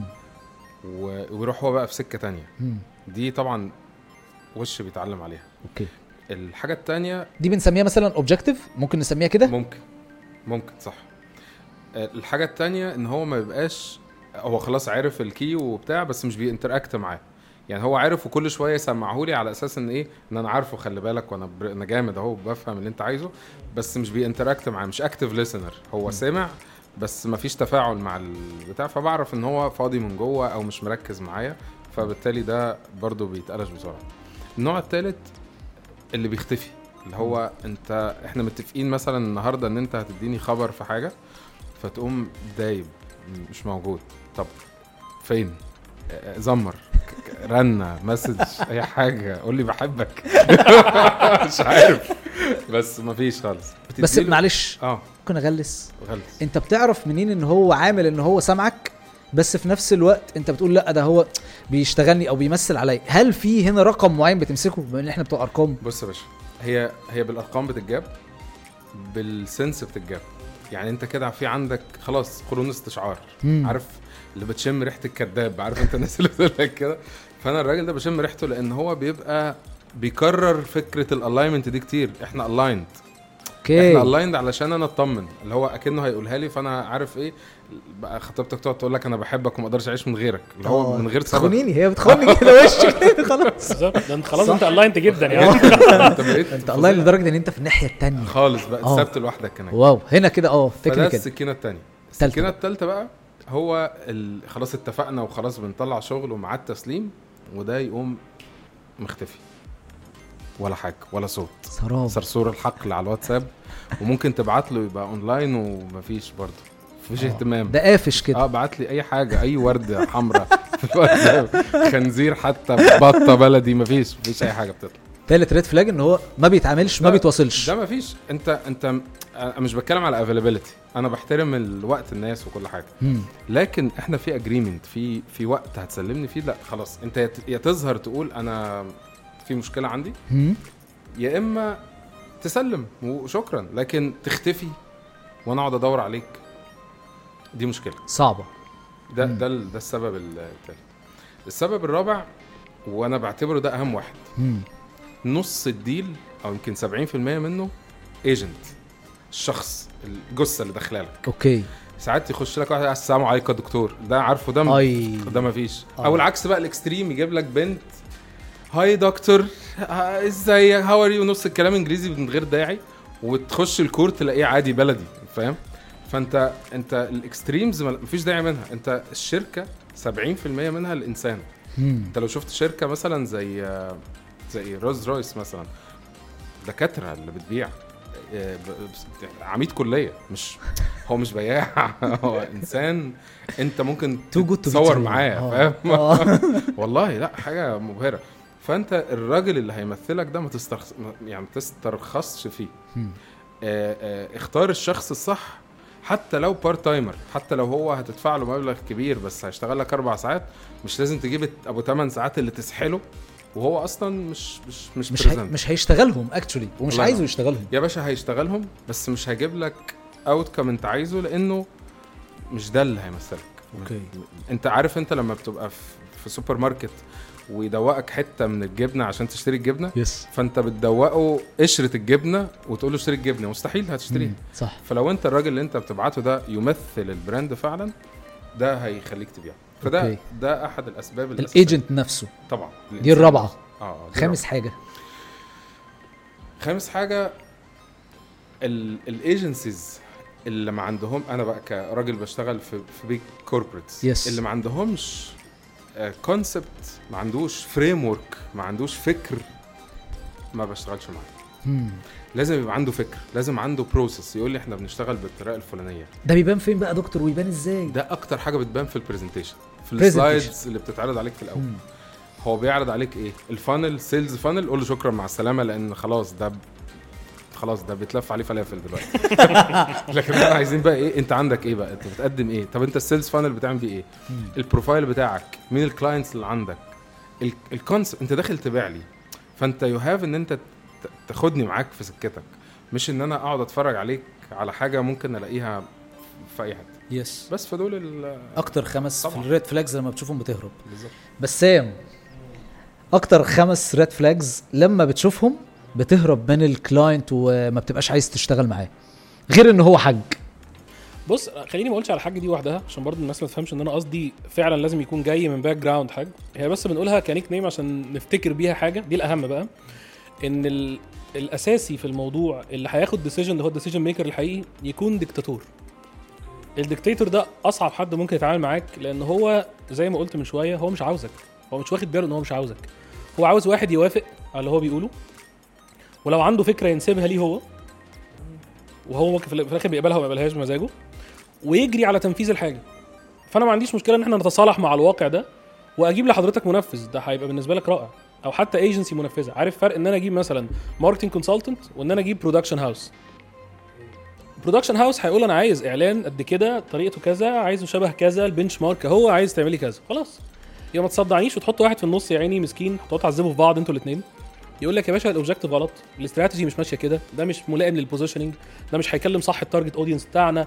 وفي الآخر أنت هتقول له اخلع. المثل المشهور اللي بفتكره هنا دايما شوف الباشا يشرب إيه وهات له شاي. طب انت مدام ليه؟ ليه؟ إحنا جايين نعذب بعض. ما دام هي كده روح شوف له واحد مش محتاج حد يطلع له الجزء ده من نفسي ده وهو already بيقول لك حضرتك عاوز تشرب إيه؟ من الأول. دي أول نقطة. تمام؟ لأن دايما ال freelancer أو ال consultant أو الايجنسي ليها علاقة بال consultation مش بالتنفيذ هي واضح من اسمها consultation يعني أنا عايز أفكر معاك زي ما هيثم قال من الناحية الثانية أنا عايز أسلم لك نفسي. فلو أنا اكتشفت إن هو مش عايز يسلم نفسه لحد ولا حاجة ده كلام هو بيقنع بيه نفسه. بس الواقع اللي انت بتقراه زي ما كان هيثم بيقول وانت بتتكلم معاه ان هو مش بتاع تسليم نفسه ولا حاجة خالص. يبقى اخلع انت احسن ارجع ورا ولو انت فعلا محترم الشخص ده على المستوى الشخصي اديله حد منفذ. قول له اتفضل الناس دي هتبسطك جدا والموضوع هيبقى لطيف خالص. أو بقى حاول تقنع ده الديكتاتور. ده الديكتاتور. number 2 بكل صراحة حد وهنا مش برتبهم بالأولوية يعني حد مش قادر ك resources إن هو يتكلف إن هو يشتغل معاك. وهو فاكر إنه ممكن يقدر لسه بيشوف إيه الأخبار. يعني هيثم لما كان بيتكلم في جزء مثلا إن أنت تعمل إيه كايجنسي وأنا وافقته جدا إن أنت تختار عملائك صح وتعرف ال price range والخدمة وال quality وبالتالي الناس اللي أنت معينهم عندك وهكذا ده هيحتم عليك إن أنت مضطر تمشي في range معين. لو أنا اكتشفت إن الشخص ده موضوع out of his league تماما أنا عندي اختيار من اتنين بسرعة جدا لو هكمل معاه يعني. الاختيار الأول إن أنا أحاول أدور معاه إزاي نخليها long term relationship وهنكبر مع بعض بالذات لو هو startup ناوي على round of fund معينة هنشتغل عليها. هناخد نسبة على فكرة حصلت في بعض ال agencies مع startups إن إحنا بناخد نسبة من رأس المال نفسها ومن المكان نفسه بناء على إن أنا بديله حاجة value أساسية لمدة سنة سنتين. مفيش أي مشكلة. الطريقة الثانية إن أنا أبدأ أشوف له حاجة من خدماتي بس مش كلها إن أنا اجهز له بيها الموضوع. لو مش دي ما تنفعش ودي ما تنفعش. وهنا انت الحكم لأن هو مش فاهم وزي ما قلت لك وعايزك بتدور له أو ممكن بقى تعملها أنت كحاجة كده pro bono أنت بتعملها عشان مقتنع بالفكرة عشان عندك وقت إضافي. حتى لو براجماتيا عشان عايز تضيفه لل portfolio يعني ده. مثلا startup في ال fintech وأنت ما اشتغلتش fintech وهو معهوش فلوس يجيب consultant بال level ده. why not أنا موجود. فتاني red flag ده مشكلته. عارف لما لخصت لك الأول كده وقلت لك شوف الباشا يشرب إيه وهات له شاي؟ أو التاني ده اللي هو level إيه كشركة يعني هبسطك إزاي وأنت مش بسطاني. عارف ال style ده؟ أنا لازم آخد value مالية أو portfolio أو حتى إن ال- ال cause اللي أنت بتحاول تعمل عليه الشغل ال value اللي أنت بتعملها عجباني. دي لوحدها بالنسبة لي ممكن تكون كفاية بالذات لو أنا freelancer تمام؟ فالجزء الثاني ده أنا محتاج فيه أكون متأكد إن فيه matching من ناحية ال value وأنا قصدي أقول ال value عشان هي مش فلوس بس زي ما اتفقنا. الانبساط اللي قلنا عليه ده أنا محتاجه ممكن يكون portfolio ممكن يكون cause أنا خدمتها وفرحان بيها بالذات وأنا بلعب freelancer أنا معيش overheads ومعيش fixed cost لازم اجري عليها عارف بتجري على يتامى يا عيني وناس. لا أنا ممكن جدا أقول الوقت ده أنا عندي الكفاءة المالية ان أنا اجري شوية هنا في ال account ده من غير ما اخد منه حاجة بس أنا فرحان. ودي ميزة شوية في ال freelancing عن ان أنا متدبس في financial statement projected ولازم احققها. نرجع تاني بقى للحاجة الثالثه الأغرب شوية. الحاجة الثالثه بتكون عارف انت دلوقتي جاي تعمل حاجة لشركة والشركة دي أشبه ما تكون ببيت متكامل صح؟ فيها ناس و stakeholders ودايما بيتشهر قوي في ال B2B sales انت بتبيع لشركة يعني ان مفيش decision maker غالبا بالذات لو بنلعب شركات متوسطة الحجم أو أعلى فال medium أو ال large enterprises بيكون في decision making unit كاملة في وحدة كاملة من الناس. committee صح بالظبط بأي صورة من صورها. هم متهيكلين كده أو هم في الحقيقة friendly based هم فلان هو اللي ليه القول الأخير وهكذا. نبسطها للناس بتكون في formal committees يعني و inform و informal اللي هو آه، لا أصل أنا لازم آخد رأي آه، مستر فلان مدير المالي مثلا. hierarchy و ف- م- مع إن ده مش في ال policy أصلا. آه بس هو عارف في كل شركة ليها الحيرم بتاعها. عارف حيرم؟ أيوه. للأسف أيوه. نادي الرجال السري. ففي حيرم في كل شركة. اللي هو الراجل اللي بيدير كل حاجة من ما وراء ال- الحاجات. فالراجل ده لازم تبقى وراء الكراسي من وراء ال hierarchy كل حاجة مش باين أصلا في الصورة. فده ممكن يبقى جزء من ال virtual community أو اللي هي الحاجة اللي مش موجودة في الحياة دي. فهو لو أنت جيت فعلا يعني الايجنسي لما بتسألني هو حضرتك ال decision maker بحس إن أنا مش عارف أجاوب لأن أنا decision maker المفروض بس أبقى لازم في. حيرم ورايا. عشان هو نفسه قلقان. يتفاجئ بعد ما هيثم سقف له وقال له رائع وأنا مقتنع بكل اللي أنتوا قلتوه. إنه يكتشف فجأة إن في واحد هو أول مرة يسمع اسمه هو اللي رفض. طب يا باشا أنا أنا هنعمل إيه بقى؟ آه ما تجيبوا لي هاتولي كبيره بقى ولا تقنعوا؟ الراجل. عارفين فأنا ما بقولش طبعا مفيش decision making unit بالعكس كل ما بعلى بال account كل ما يبقى فيه decision بالعكس ده ساعات بيكون ثلاث stakeholders كل واحد فيهم شركة أو كيان. دول. بالظبط. يعني في أماكن بيك... مثلا في شركة كانت عاملة merger في السعودية شركة عملاقة مش هينفع أقول اسمها وشركة تانية متوسطة الحجم بتعرفهم هم مش بتعرفنا إحنا يعني ترجمناها برأس المال لأ ما شاء الله. وفي النص في بقى الشركة اللي تم إنشائها ال joint venture اللي هم الاثنين أنشأوها. فأنت عندك ثلاث كيانات قاعدين بيتكلموا معاك وكل واحدة فيهم فيها أقسام و decision makers as well كل ده ما عنديش فيه مشكلة. أنا عندي مشكلة في حاجة واحدة بس إن البيت اللي أنا بحاول أقنعه ده لو مكون من شخصين أو مكون من 20 ما يبقاش عندهم مشاكل شخصية. أنا مش مش حمل الكلام ده. أنا مش داخل عشان الكلام ده. حلوا عارف الكلمة حلوا مشاكلكم العائلية دي وارجعوا لي تاني؟ دي مشكلة كبيرة جدا. ما ينفعش تدخلوني أنا في ال fire اللي في النص أبقى أنا caught في الإيه في ال friendly fire اللي ما بينكم؟ واتمطوح أنا وفي الآخر ألاقي مثلا lead generation حصل. أنا جبتك وأنت مقتنع بيا. بدأنا نتناقش فجأة وده حصل اللي أنا هقوله ده سنة ونص عشان تاخدوا قرار هو أنا قاعد لكم ليه سنة ونص؟ يعني أنا مش ابن واحد فيكم بحاول أقوم شركة بابا فربنا يوفقكم. صح؟ للأسف بتوصل لدرجة يعني أنا في case غريبة جدا ومش هينفع أقول اسم ال case اللي أنا هقوله دلوقتي حالا عنها. ال founders بعد ما جابوني واشتغلت معاهم وكونت فريق ليهم internal في حاجات وحاجات تانية outsourcing مع الفريق بتاعي واشتغلنا فجأة هم اتخانقوا مع بعض. ثلاثة founders كبار جدا في ال industry بتاعتهم. واكيد دي كانت شركة جديدة joint venture ما بينهم. قعدوا سنة وكسر تقريبا بيتخانقوا. طب وحضرتك إيه؟ الناس اللي قاعدة في النص دي إيه أخبارها؟ المساكين اللي أنا جايبهم يشتغلوا دول. لدرجة قعدوا شهور الناس اللي أنا جبتهم internal بياخدوا مرتبات. وأنا بقول لهم يا جماعة أنا حاسس إن أنا founder وأنتوا ايجنسي يعني الموضوع ده يقلب إن أنا أنا خايف على رأس المال بتاعكم. في إيه؟ ما تحلوا مشاكلكم. وهم مش فاضيين. أنت اللي بوظت الشركة. أنا كنت تعبان وكنت بتعالج في المستشفى رجعت لقيتها طابونة الموضوع قلب. طب وأنا مالي؟ ففعلا بتضطر تقول شكرا. لو أنت قريتها من الأول حاجة زي كده إن الموضوع فيه خناقات وأسفين وعلاقات عجيبة كده ومسلسلات حريم السلطان والحاجات دي انسحب من الأول وربنا يوفقك. أو أو تبقى لو بروفايل يعني ما تبقاش بقى بتشتغل بكل طاقتك علشان هيبعزقوك بينهم كلهم. ده اللي بيحصل بالظبط. وده حصل معايا برضو ف, ف بس كنت شغال أنا من جنب ال freelancer وقتها. okay. فواحد من ال owners بقول له طب ما طب ما نعمل ما نعمل meeting نحل المشاكل بحاول أنا بقى اعمل. بتاع- آه قال لي بص يا دكتور خليك انت اطلع انت. don't be owner more than the owner آه. يعني ما تبقاش owner أكتر من ال owner ما تخافش على فلوسنا يعني صح. صح جدا. ال case اللي كنت بقول لك عليها دي آه. آه وأنا. اتعلمتها فعلا بطريقة صعبة. يعني ال case اللي بقول لك عليها دي يا هيثم أنا حصل فيها إن أنا وصلت لمرحلة يا جماعة طب ممكن أحل لكم مشكلة من المشاكل الغريبة دي؟ تدوني مبلغ قد كده؟ هناخده زي عهدة كده بالظبط. هخلص لكم بيه المشاكل الفلانية خلصت مشاكل ال internal كلها وبعدين فضلوا هم بيتخانقوا مع بعض. فساعتها قلت لهم لا إحنا نسلمها على المفتاح وربنا يوفقكم وأنا مش قاعد لكم خلاص. أنا بضيع opportunity cost ودي مصيبة بقى عند الايجنسي أنا بضيع opportunity cost أنا كان زماني عملت قصة نجاح مع حد تاني. الموضوع مش بس سبوبة أو أنا بكفر ال overheads بتاعتي أو cost of living أيوه. دي النقطة دي مصيبة. مهمة جدا. ال opportunity cost عظيمة. أيوه بت... ساعات من كتر ما انت بقى إيه بت... عمال بتجري في السوق علشان تسد الخرام اللي عندك في شركتك والمرتبات Yes. وكده بتفتكر إن الجري هو ال... هو الحياة. يعني عارف في مثال مشهور كده إيه؟ الغزالة والأسد لما بيجروا ورا بعض في الغابة مثلا. آه، فلو الأسد قرر, قرر كان في فيديو متصور كده. الأسد قرر ينام النهارده أنا مش هجري ورا الغزالة. الغزالة برضو طلعت تجري لأنها اتعودت تجري. وهي ناسية هي بتجري من إيه. فنفس الحكاية. لأن الهدف راح ما بقاش ما بقاش حد يفكر في هدف الجري إيه. بقوا ال agencies بتجري وخلاص. objective وقع عايز على على كتف كوم لحم يعني آه. آه التعريف المصري بتاع كل عيش ده من أكتر الحاجات اللي تقتل أي ايجنسي لأن أنت في الحياة بتوصل لدرجة إيه؟ ما هم بيدوك retainer يا عم ما يولعوا في بعض. يعني هم بيصرفوا أعلى مرتبات غلط وما بيعملوش أي إنجاز والموضوع ما حصلوش ال launch اللي أنت عايزه. بس أنا باخد ال retainer ومحدش فيهم معترض. يعني هو بيديني ال retainer وقاعد بيشتم في ال founders اللي معايا في نفس الوقت. أنا مالي. بس أنا في الآخر عملت حاجة يعني ده احطه في ال portfolio مثلا ولا هضحك كل ما أشوف اللوجو بتاعه ولا. الإيجنسي بتنسى إن ليها هدف بالظبط. وبتفكر إن هدفها جمع الفلوس. أنت مش بنك.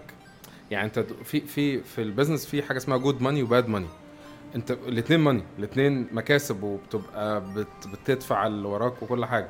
بس bad money يخليك ما تحققش أهدافك. تبعد عن ال purpose اللي أنت بتعمله. مش يعني مش هيخليك تكون profile مش هيخليك ترتقي بمستواك تدخل بقى آه، modules جديدة مش هتتعلم مش حتى هتتعلم أكيد. very inspiring أو إنك تروح لل good money إنك تبقى selective اللي هو أنت بتختار ال client اللي هيحقق لك هدف purpose plus money عادي.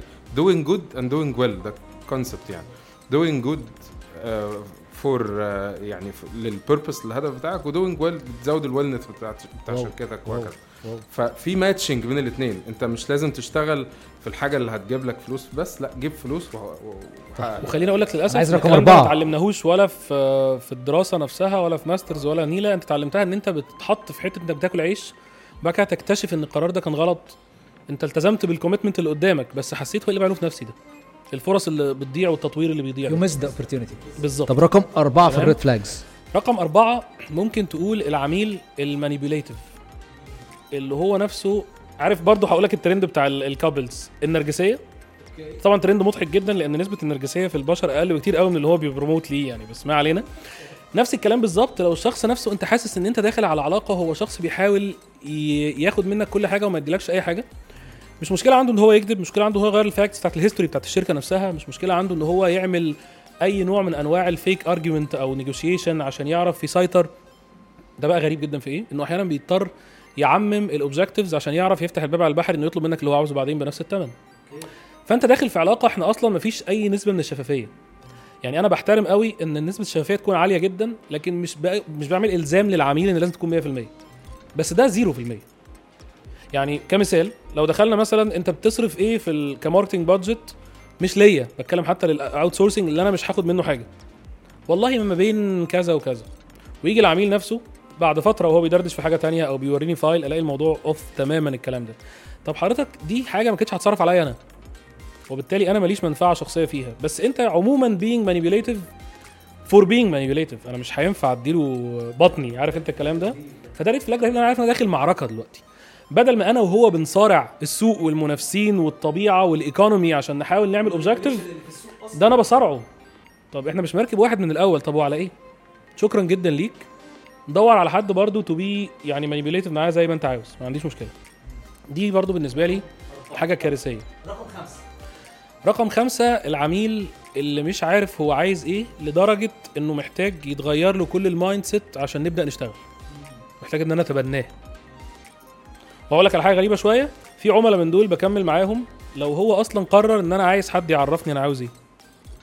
فبتقلب شوية من الأول company consultation أو corporate consultation إن هو بيكون حد high end وبيقول لي لو سمحت أنا عايز الأول أصلا نوع من ال coaching أو ال mentorship عشان أوصل لمرحلة اللي أنت بتقول عليها ال typical client المفروض يمشي فيها إزاي. إن أنا أعرف وأنا محتاج إيه بالظبط و- وأكلمك بلغتك ونمشي صح. حتى لو ما اتعاملتش معاك أنت كبسام حتى لو اتعاملت في كيس براك خالص. بس أنا فعلا مفتقد دي.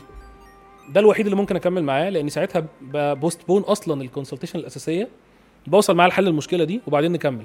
لكن أي حد مش عارف هو عايز إيه ودي مشكلتك أنت وربنا يوفقك ده بيكون عايز حاوي. عارف؟ ساحر. بالظبط لأنه ساعتها هيبدا يطلب بقى طلبات مضحكة. هو أنا ممكن أستخدم كاميرا الموبايل عشان أعمل بيها فيديوهات احترافية؟ الإجابة طبعا ينفع. التصوير هو إيه اللي هنا مش اللي هنا. أنت ممكن يكون معاك أغلى كاميرا لكن مش مبسوط بنتيجة الفيديوهات. بيحصل صح؟ أنت مش محتاج أغلى كاميرا. انت محتاج حد يساعدك ويعلمك بالموبايل اللي موجود معاك دلوقتي. وده اللي بقدمه لك في الدبلومه دي. الفيديو جامد مش بس انك تدوس record الفيديو تحضير تكوينات قواعد إضاءة مونتاج publication سهل. لغاية إزاي تعمل له إعلان ممول ناجح بأقل فلوس يوصل لأكبر عدد. وكل ده بالموبايل سواء آيفون أو أندرويد. نفسك تعمل فيديو جامد؟ الدبلومة دي ليك.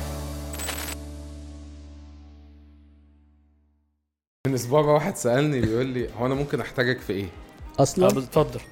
انت بتكلمني ليه؟ هو يعني هو عايزني هو معجب بيا كشخص. أيوة، بس أيوة. هو مش عارف هو إيه اللي هيوجعه في جسمه يجي لي. فأنت دكتور أجي لك أجي لك إيه مشكله يوجعني يجيلك. على فكرة دي مشكلة ال inbound marketing أصلا. آه طبعاً. إن أنت عشان بتدي للناس محتوى مفيد فهو فرحان جدا وانبهر. يقول لك بص هو أنا شاري. شاري إيه بالظبط؟ ما أعرفش عايز يرد شاري. عايز يرد جميل هو مش قول لي عارف بتبيع إيه وأنا.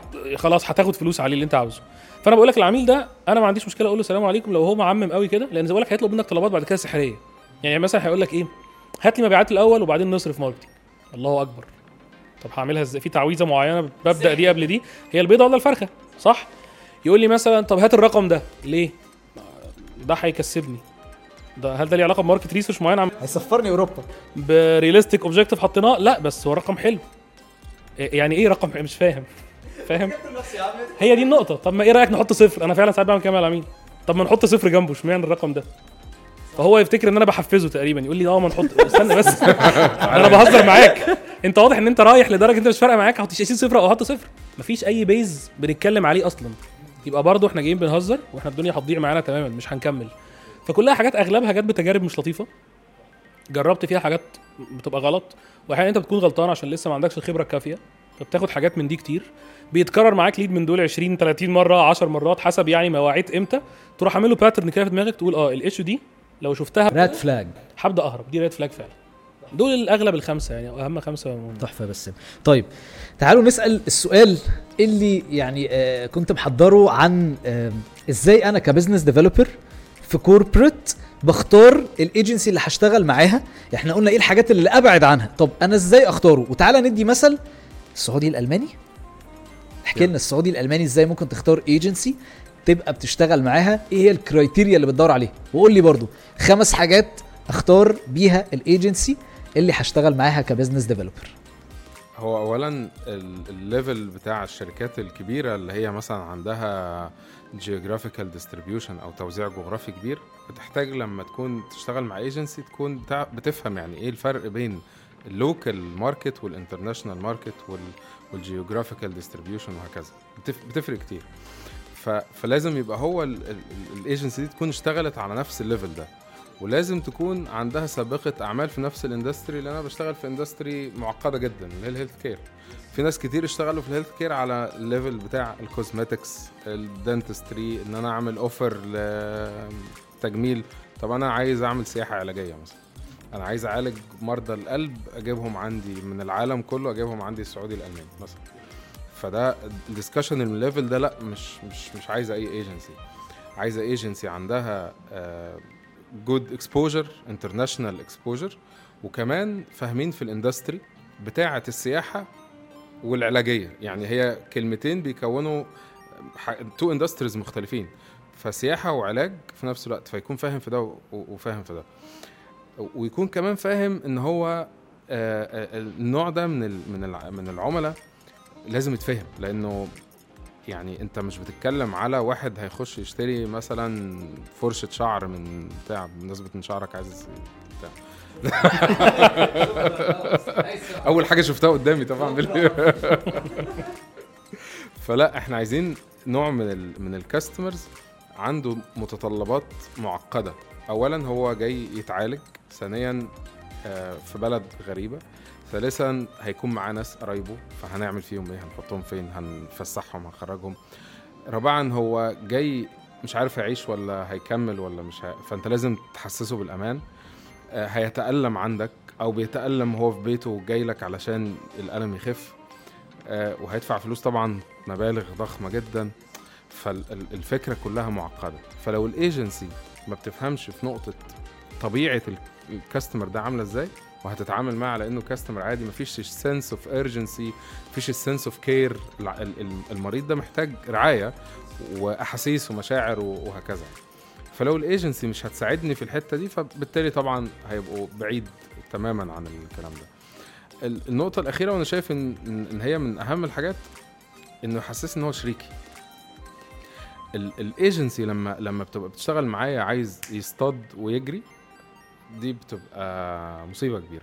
لكن انت شريكي انت انت انت علاقتك بيا علاقة دائمة. انت لازم انت اللي تفكر كده قبل ما تيجي تقعد معايا.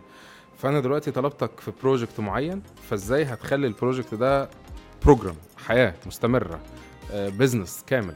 وازاي تطلع منه بقى فرص آه، فرص تانية؟ وت...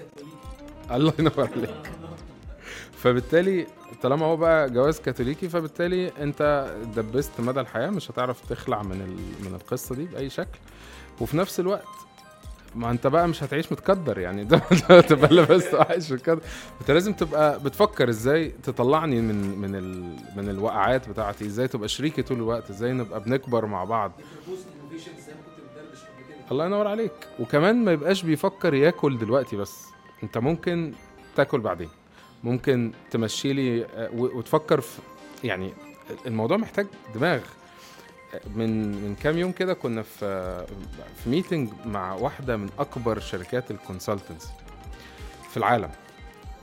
ف فال key person في الشركة عندنا قال لهم علشان تعدوا وت- وتكملوا معانا أنتوا محتاجين تكسبوا فلان. أنتوا داخلين دلوقتي على الفرع الفلاني تشتغلوا فيه.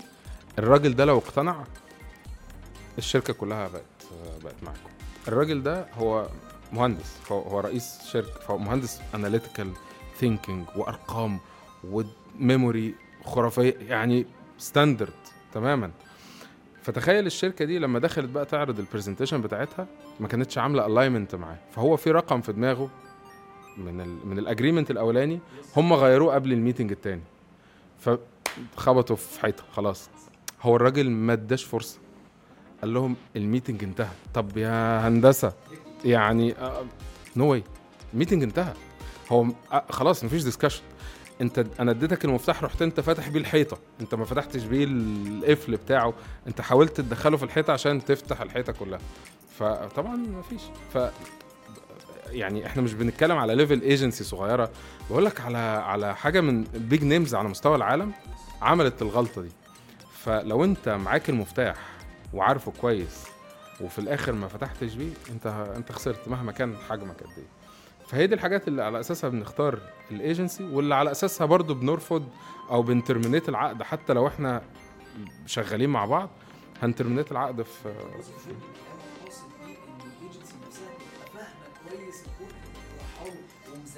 وحافظه اشخاصه وحافظه هما بيفكروا إزاي علشان يوصلوا كلهم مع بعض طبعا. أنا قبل ما بقعد في meeting بلاقي ال profile بتاع LinkedIn بتاعي اتفتح من 18 19 واحد. ودخل على ال social media يتفرج على الفيديوهات وإنستجرام وخلاص هو بي analyze ال personality ويخش لي من ثغراتي. فاهم؟ أيوه صح, صح. وساعات يجيب حد يقول لي أنت فلان على فكرة ده صاحبي وبتاع. أو يجيب لي يجيب واحد من ولادي مثلا اللي اشتغلنا مع بعض ويقول له مثلا إيه طب ما تيجي معانا في ال meeting الفلاني. طبعا strategies بس هو في الآخر ال- هو إزاي بيكسب ال power بتاعته جوه الشركة عندنا؟ بي- بيتفرع إزاي؟ أو مثلا يجي يقول لي في مؤتمر حلو قبل ما نعمل deal إيه رأيك نطلع مع بعض المؤتمر ده وتبقى speaker فهو بي satisfy بقى need عند هيثم عشان يفتح كيان كبير. الله ينور عليك. طب بالظبط. عايز يخليك end من أولها يعني من غير ما تحس قوي. يعني. تحفة. طب بسام احكي لنا إيه اللي أنت ممكن تبقى بتعمله ك business developer أو لما بتشوفه ك business developer في خلينا نقول في corporate بتقول هي دي اللي أنا عايز أكمل معاهم أو هم دول اللي يلا بينا أنا اخترتكم عشان نكبر. ندي مثل. طب ما تدينا مثل. مثل ممكن بص أنا هضرب كام مثال بس أول مثل عشان ممكن ن focus عليه شوية. حاجة مثلا زي شيري امباري. شيري امباري شيري امباري في مصر كانت بادئة from scratch إن أنا عندي منتج أنا هبدأ ألعب على منتج برضو من بديلين المنتج الأجنبي زي كذا شركة تانية في المجال. عايز اخليه يبقى كويس من ناحية ال quality والعب عليه brand كاملة وابدأ اخلي الناس loyal ليه وابدأ اشتغل عليه. بس لسه الموضوع في أوله. إحنا خلصنا ال... يعتبر يعني اللي ما يسمى في مصر هنا R&D شوية خلصنا المنتج نفسه بقى عندنا. يلا بينا بقى. هنعمل إيه؟ وهنا نيجي ال factor أنا قلته بالسلب من شوية. لما قلت ال red flags وهقول بقى بالإيجاب بتاعه عامل إزاي. لما يكون ال owner عارف كويس قوي إنه علشان يمسك business ال brand strategically ويكمل معاه سنين عمره كلها عارف كويس إنه لازم يغير في ال mentality بتاعته وهو بيفتح سقف جديد. أنا دايما بقول للناس اللي بيشتغلوا معايا الحتة دي وده على فكرة ليه علاقة بنظريه بقى معلم أو غيره أو كده. أنت كبشر دايما طبيعتك إن ليك سقف. السقف ده ليه علاقة بيك أنت بال attitude بتاعك أنت. بتوصل له السقف ده ممكن يكون ما شاء الله إنك معاك 20 30 مليون. ممكن يكون 20 30 مليون دولار كمان. ممكن تكون عاملهم من الصفر كمان عادي. ممكن سقف رائع.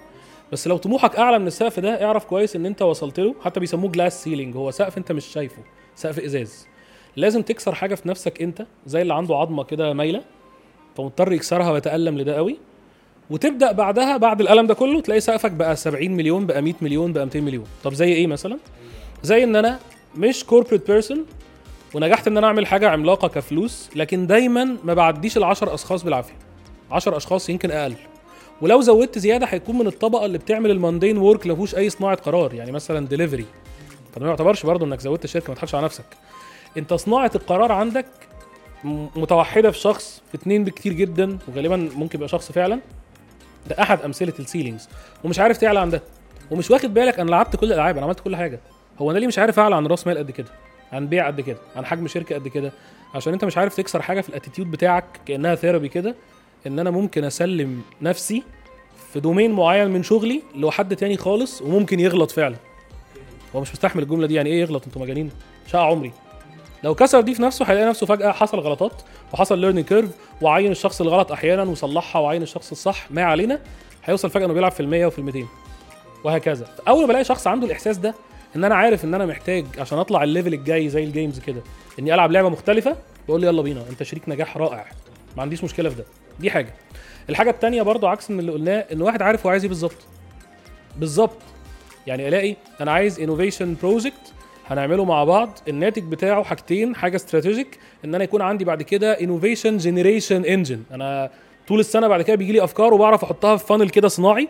أوصل بيه إن في ثلاث أفكار منهم survived واشتغلوا. إيه الجمال ده؟ أنت عارف أنت عايز إيه بالظبط. عارف شبه برضه في مثال اللي إحنا قلنا دكاترة؟ يجي لك referral من دكتور شاطر أصلا. هو بيقول لك إحنا عايزين 1 2 3 4 بس ده تخصصك. فتفضل متقشرة أهي. فده رائع. وده طبعا بيحصل أكتر عشان نبقى واضحين. مع ال large enterprises أو مع startup اللي اللي فاتح ال startup ده كان أصلا large enterprise بس هو قال كفاية كده ويلا نلعب startup فبتلاقيه طالب منك يعني في حد منهم لطيف جدا بحييه لما بشوف الفيديو ده قال لي بسام هو بيفتح startup بس هو أصلا CEO في شركة. فهو بالنسبة له إيه؟ بس لو سمحت ابعت لي document scope of work أنت هتعمل إيه بالظبط وإيه الدليفري بتاعت الكلام ده وال time frame بتاعها بيمشي إزاي وال KPIs اللي قيسها إزاي عشان نبدأ ندردش فيه. عارف أنا كنت هعيط. إيه ده؟ أروع من كده. أنا مش عايز أكتر من. كده. خلاص أنا مش عايز أكتر من كده. فيلا بينا نلعبها كده وتفضل وعدل على الكلام ده. أنا فرحان بقى أنا بقول له عدل. عدل عشان نبقى على أرض ثابتة من دلوقتي. طبعا ده نادر عشان نبقى واضحين مع بعض. النوع الأولاني نادر والنوع ده نادر. بس دول ال typical client دول أحسن ناس. في حالة مثلا شيري امباري فاروق كان عارف كويس قوي أنا لعبت industry كذا وكذا وكذا ونجحت فيهم. بس أنا عارف إن دي industry مختلفة. target segment مختلف. عايز أعمل brand ناوي إنها تكون بعد كده ماسكة الشرق الأوسط كله عادي مفيش مشكلة. لو كانت global فانا فاهم ان اللعبه دي مش زي الباقيين. وعايز أحط دماغي في ان أنا ابقى corporate man لأن الباقيين كان ينفع يتلعبوا بان أنا ليا الرأي الأول والأخير والباقيين منفذين. لا أنا عارف إن دي أنا بعد كده هسلم دماغي زي ما اتفقنا لناس مختلفة في تخصصات مختلفة وهديرهم هم. طب أنا عشان أديرهم هم محتاج أطور نفسي باستمرار أصلا عشان أكون أعرف أديرهم خلينا واضحين. فكل ده كان بالنسبة لي من النوع الأول. عشان كده كان مثال أنا بعتبره رائع جدا والموضوع طلع طلوع جميل جدا. وعايز أقول لك عشان ن test ده رغم إن أنا عارف فاروق من زمان بس معرفة شخصية قلت له نجرب ده الأول مش هنعرفه من day 1 تعالى نعمل assignment صغيرة خالص ونشوف إيه النظام. لو لقينا إن إحنا الاثنين متوافقين أنت متقبل إن أنا بتكلم في حاجات basic قوي وأساسية وبنغير فيها وأنت متقبل ده ومش حاسس إن أنا بتدخل في دماغك وبغير لك لو أنت جاي تخنقني بفلوسي؟ يعني أنت بتاخد فلوسي عشان تصدعني أنا؟ فلو لقيت الاثنين لا نافعين هو متقبل وأنا متقبل ده خلاص يلا بينا نخليها بقى إيه؟ advisory مستمرة. وأحيانا ما بيكونش محتاجني في حاجة major دي من بس advisor. من المفاتيح ال- هو أنا ممكن أستخدم كاميرا الموبايل عشان أعمل بيها فيديوهات احترافية؟ الإجابة طبعا ينفع. التصوير هو إيه اللي هنا مش اللي هنا. أنت ممكن يكون معاك أغلى كاميرا لكن مش مبسوط بنتيجة الفيديوهات. بيحصل صح؟ أنت مش محتاج أغلى كاميرا. انت محتاج حد يساعدك ويعلمك بالموبايل اللي موجود معاك دلوقتي. وده اللي بقدمه لك في الدبلومة دي. الفيديو جامد مش بس انك تدوس record الفيديو تحضير تكوينات قواعد إضاءة مونتاج publication سهل لغاية إزاي تعمل له إعلان ممول ناجح بأقل فلوس يوصل لأكبر عدد. وكل ده بالموبايل سواء ايفون أو اندرويد نفسك تعمل فيديو جامد؟ الدبلومة دي ليك.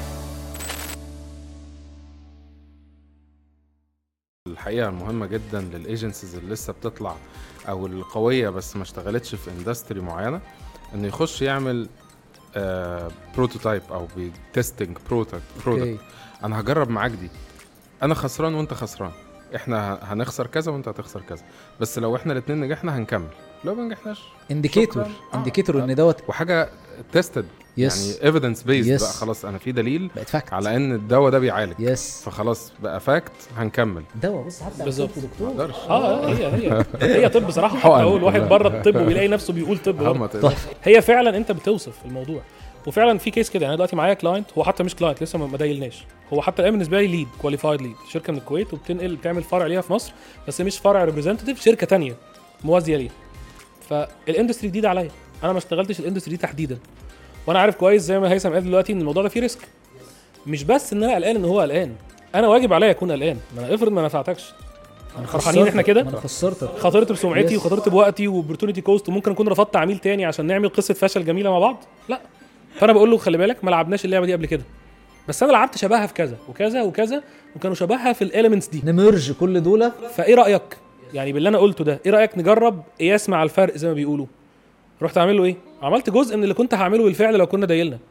وخلصت فيه research وخلصت فيه modeling لل business نفسه و critical success factors وعملت interviews مع matter experts في مجالات مختلفة technical واستغليت ودي حاجة نادرة قوي هندسة زمان إن كان الموضوع فيه مجال هندسي قوي فرحت داخل بقى بقلب قوي في الموضوع وجبت قلب الموضوع قوي technically وهكذا. قلت له ده اللي انت بتتكلم عليه ده بالنسبة لك إحنا كده ماشيين صح؟ قال لي لا ده انت كده المفروض تاخد نص الفلوس أصلا إحنا إحنا خلصنا مجال كبير وأنت لسه ما دايلتش معايا في حاجة. فقلت له خلاص إحنا كده أنا بالنسبة لي أخش ال account ده أنا فرحان. مش وأنا قلقان إن أنا imposter إن أنا نافخ بالونه وقاعدين بنضحك على بعض ويا رب ما ياخدش باله على الله ما حدش ينخور ورانا. لا بالعكس خالص. فدي أنا شايفها نقطة مهمة جدا. بس. تيجوا نفيد الناس قبل ما نقفل؟ يلا.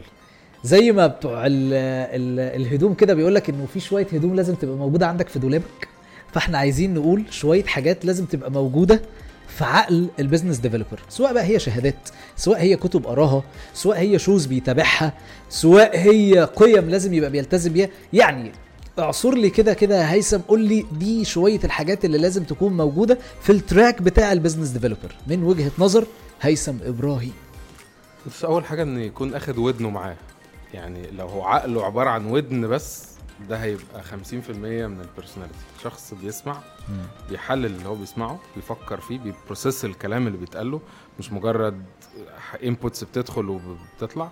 لا أنا بفكر فيه وببدأ أشوف هعمل هعمل. دي دي أول حاجة إن لازم يبقى معلق ودنه معاه في الدولاب بيلبسها زي ما بيلبس آه، أي حاجة مهمة في حياته. yes آه، فدي حاجة. الحاجة التانية إنك ما يبقاش كلامك سابق تفكيرك. يعني انت بتقول على قدر ال- الحاجة. don't oversell يعني ما تبيعش زيادة. ما تبقاش خلاص أنا اشتريت. أنا اشتريت. ما تقعدش بقى إيه تك... آه في ناس بتقعد بقى.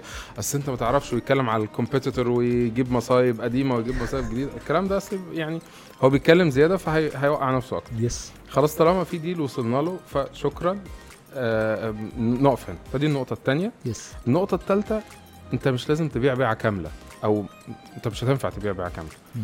انت بيع وبعدين اهدى وفكر وبعدين بيع تاني واهدى وفكر وبعدين بيع تالت وهكذا فانت ما ينفعش انك تبقى داخل عايز تبيع media production و digital marketing ومش أصل إحنا عندنا كل ده و event management بتاع كله ده عادة بيقلب عكس مم. تماما فلازم تبقى عارف انت داخل تبيع إيه وبالتدريج لازم تبقى عارف هدفك انت مش نازل تبيع بس ولا نازل تجيب فلوس بس انت لازم تبيع حاجة تجيب فلوس وتحقق أهداف الشركة نفسها. لازم الأيجنسي يبقى عندها value بتدور عليها أو purpose تسعى له علشان أي client هيدخل يبقى بيحقق ال purpose ده. وعمر ما ال purpose كان فلوس. الفلوس هي شيء مهم جدا بس من غير value مش هتكمل هيبقى bad money مش Yes. مش good money النقطة اللي كنا بنتكلم yes عليها. yes فانت ك ك كراجل business developer وانت نازل لازم تحط ده في بالك إن في value العميل لو ما دخلش في ال value بتاعتك دي يبقى انت كده إيه بت بتعمل حاجة غلط. بت بتحط ملح على التشيز كيك هو في التشيز كيك في ملح تقريبا صح؟ المهم يعني على الجيلي مثلا. مش عارف. ف... فدي من الحاجات ال... ال... الم... بس أعتقد دول أهم الحاجات هسيب فرصة. ده. تحفة. بس. طيب من ناحيتي أنا هكمل على هيثم عشان هو already الحاجات اللي قالها أنا متفق معاها 100% فهزود بعض الحاجات حسب ال case يعني مثلا لو أنت freelancer غير لو أنت ايجنسي ولو أنت شغال على startups غير وانت شغال على corporates دي أكتر حاجات أنا حاسس إنها ممكن تخليني أقول اف اعمل كذا. في حاجات أساسية في ال attitude إن أنت لازم تكون analytical بنسبة كبيرة. هيثم نفسه قال في أول كلامنا إيه؟ إن من غير مرحلة ال diagnostics الباقي كله ماشي غلط. إحنا في الأول حطينا البوصلة أصلا رايحة لمين وهي المفروض تروح الشمال مثلا. فكل حاجة رايحة غلط. فمن غير ما تكون analytical ما تلعبش اللعبة دي أحسن. لك لأن زي ما قلنا نادر جدا العميل اللي جاي عايز إيه بالظبط وطالبه إن أنت تنفذه. فأنت لو مش diagnostician كويس مش هتعرف تشوف الدنيا إيه اللي فيها بجد خليك منفذ أحسن. العب production أو العب في أي حاجة تانية. ده رقم واحد. رقم اتنين ودي أنا شايفها مصيبة إن أنت محتاج يكون ال communication skills بتاعتك على قدر ال value اللي بتقدمها. زي ما إحنا بنعلم الناس في ال branding إن أنت ممكن يكون عندك منتج رائع بس ما عملتش branding كويس فالناس افتكرت إن هو منتج مش رائع قوي فمتقبلين price نص اللي أنت في الحقيقة تستحقه. ليه؟ أنت ما لعبتهاش صح. اعرف بقى إن أنت للأسف هتقع في الوقعة المش لطيفة دي لو أنت ما كنتش عارف تلعبها صح من الناحية العادية. سواء بال communication skills أو بال personal branding للأسف لو أنت freelancer يعني. أو ب branding ال agency لو أنت إيه؟ شغال agency side دي نقطة تانية أنا شايفها ال attitude مهمة جدا. في نقطة في ال attitude مهمة جدا وهي إن أنا بتاع problem solving درجة أولى.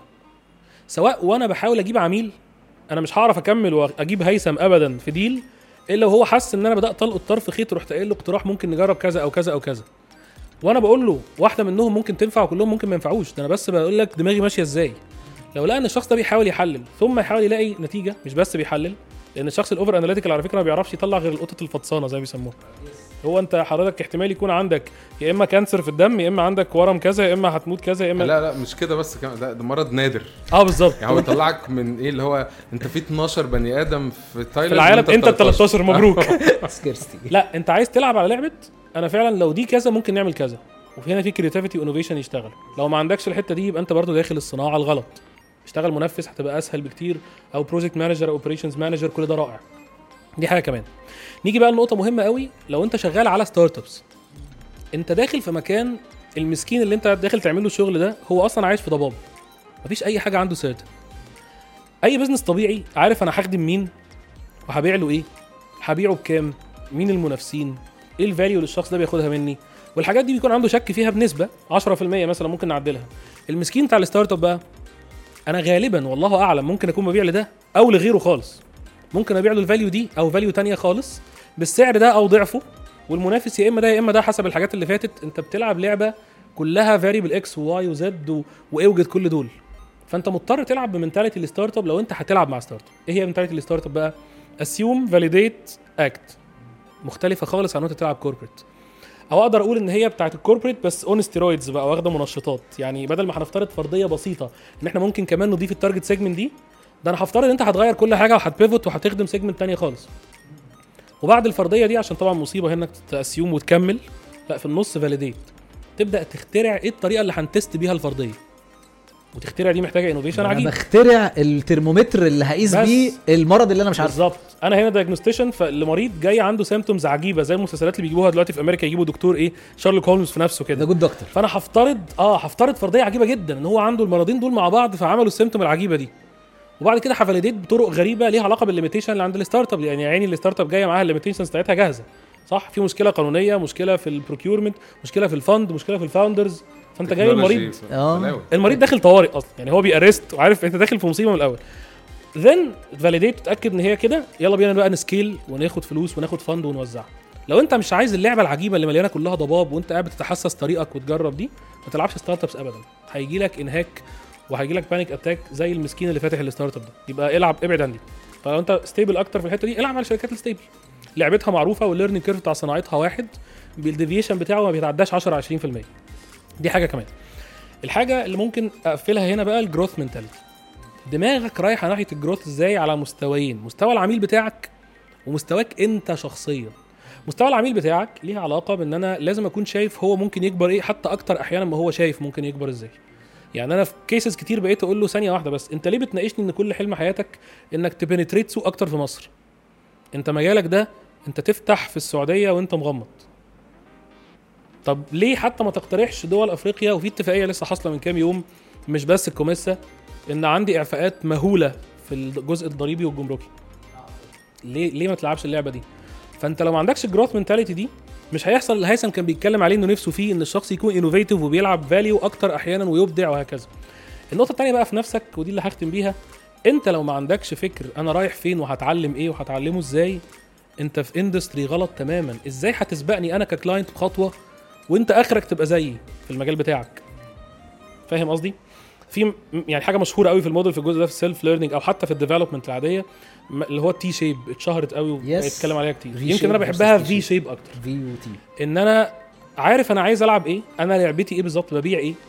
مثلا digital transformation أو innovation management أو marketing management طب ده عشان أكون كده تقيل قوي في صناعة معينة أو في ال startups أو في ال في ال corporate العادية وهكذا.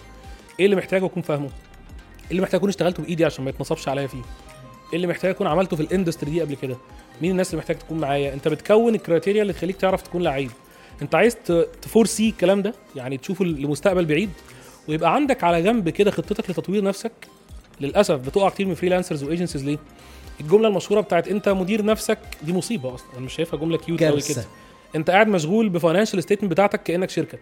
وقاعد مشغول ب clients أنا حاليا دلوقتي حالا في الايجنسي عندي consultation بتكلم حتى consultation مش implementation معانا أربع accounts شغالة بس على الفريق كله. يعني في حاجات متفرغين ليها وحاجات لأ. وفي 12 على ال leads funnel okay. فدول هيقفلوا على إيه؟ ممكن ما يقفلوش خالص. طب هيقفلوا زيادة. عن اللازم فهتلاقي نفسك committed مع ناس أكتر من اللي أنت تعرف تعمله. capacity طب عندك ناس standby عشان ياخدوا الحاجة الزيادة أو اللي أنت مش عايز تعملها هتعمل إيه بالظبط في الكلام ده؟ فده واخد جزء من دماغك مهول. لو مش تعرف تلعب اللعبة دي أنت بتهزر. ما تلعبهاش ما تلعبهاش من الأول. هتطور نفسك فيها إزاي؟ أنت محتاج تعرف ت manage كل ده. هتطور ال skills بتاعتك إزاي؟ فالموضوع مزعج جدا للشخص اللي ما بيحبش يكون عنده مليون صراع في نفس الوقت. يبقى هو داخل في حتة مش حتته. أنا ليه بحب يعني برضو حاجة أقول لك بال- بالمناسبة. أنا ليه بحب اسم فارس اللي أنا جايبه على التيشيرت ده؟ وسميت ابني فارس عافية يعني ما عندوش قرار لسه. إن الفارس في اللغة هو الشخص ال multi-talented و multidisciplinary لدرجة إن هو متميز في كذا حاجة. أي حاجة بيخشها بيتميز فيها. دي عقلية ال freelancer أو الايجنسي أو ال consultant أو الشخص اللي عايز يبقى ماسك الموضوع من فوق. لأن هو عشان ماسكه من فوق هو محتاج يكون 3 4 5 6 7 حاجات فاهمهم إلى الدرجة الكافية. إنه يطور فيهم ويطور الناس اللي تحته ويخليهم يمشوا عدل. فاهم قصدي؟ بس أكملها بحاجة في واحد لطيف قوي وتقيل قوي الله يرحمه محمود شاكر. كان الكرسي بتاعه عارف الناس القديمة كان عندها كرسي الخشب اللي هو الأرابيسك كده كان الكرسي بتاعه عنده فيه حكمتين حاططهم لنفسه. واحدة منهم هي اللي مهتم بيها دلوقتي كان بيقول إيه؟ ودي بتكمل على أنا بقوله ده عشان ادب نفسي شوية عشان الحتة دي مخيفة إنها تشتتك. كان كاتب الدارس يغلب الفارس. يعني أنت ممكن تكون talented جدا وبتعرف تدوس وتجري وميسي قوي في نفسك. بس لو ما كانش عندك روح ميسي ده ان هو يكون بيقاتل كل يوم رغم ال talents بتاعته دي انت هتنام. هتبقى انت الارنب في قصة الارنب والسلحفه كده. فانت محتاج الدراعين دول. لو مش عندك ركز في حتة صغيرة ويحسس يستحسن أصلا ما تكونش business development خالص عشان هي مرهقة في الحتة دي عموما حتى لو انت in in-house يعني. والعب أكتر في حاجة هي laser focused قوي. هي تنفيذية أكتر. أو ما تطمحش إنك تمسكها head يعني دلوقتي هيثم ماسك الحاجة اللي أنا متأكد إن هو مضطر في 12 تخصص هو بيجادلهم في شغلهم. طب ده هتعمله إزاي؟ وأنت قصة حياتك عمرها ما هتكون مكملة ال 12 دول إلا وأنت مبهدل نفسك لأن أنت مش هتكمل المهنة وأنت عندك 120 سنة فإيه هت- هتضحي بإيه؟ بس هي دي ال attitude للأسف يعني مرهق. بس اللي لازم للمهنة دي. أنا مش هقدر إن أنا أبقى قاعد معاكم وما استغلش إن أنا آخد من كل واحد فيكم نصيحة ليا. أنتوا ك business developers أنتوا شايفين ان أنتوا ممكن أنا كجوزيف أتطور إزاي؟ وعايز أبقى أنا يعني اسقاط لأي شخص ممكن يبقى قاعد مكاني حد بيبني ال brand بتاعه حد بيبني أي شيء. بس يا سلام لو أنتوا بتنصحوها لي بشكل customized قوي يعني هبقى من أسعد الناس. خدت consultation for free ابعت له الأول rate يا هيثم. أنا شايف في استغلال. طلعني معاك في كل حلقة أهو. ولع التاني ده بداية كده يعني. قولا واحد. بس طبعا. الله يخليك. أه، لا أهم حاجة إنك تبقى زي ما قلت لك بتسمع. يعني أنت لو ما بتاخدش feedback ال customers وتسأل الناس رأيهم إيه وتاخد منهم وتطلع projects. ده source of development عنيف جدا. طبعا. مش كل اللي بيتقال هتنفذه لأن هيتقال لك الحاجة وعكسها. ولكن شوف الدنيا رايحة فين. شوف الناس بت- بتتكلم في إيه وسماع الناس لوحده هيخلي الناس ت engage معاك بشكل آخر. ليه كذا value يعني؟ yes الحاجة التانية إنك لازم تشوف منافسينك بيعملوا إيه.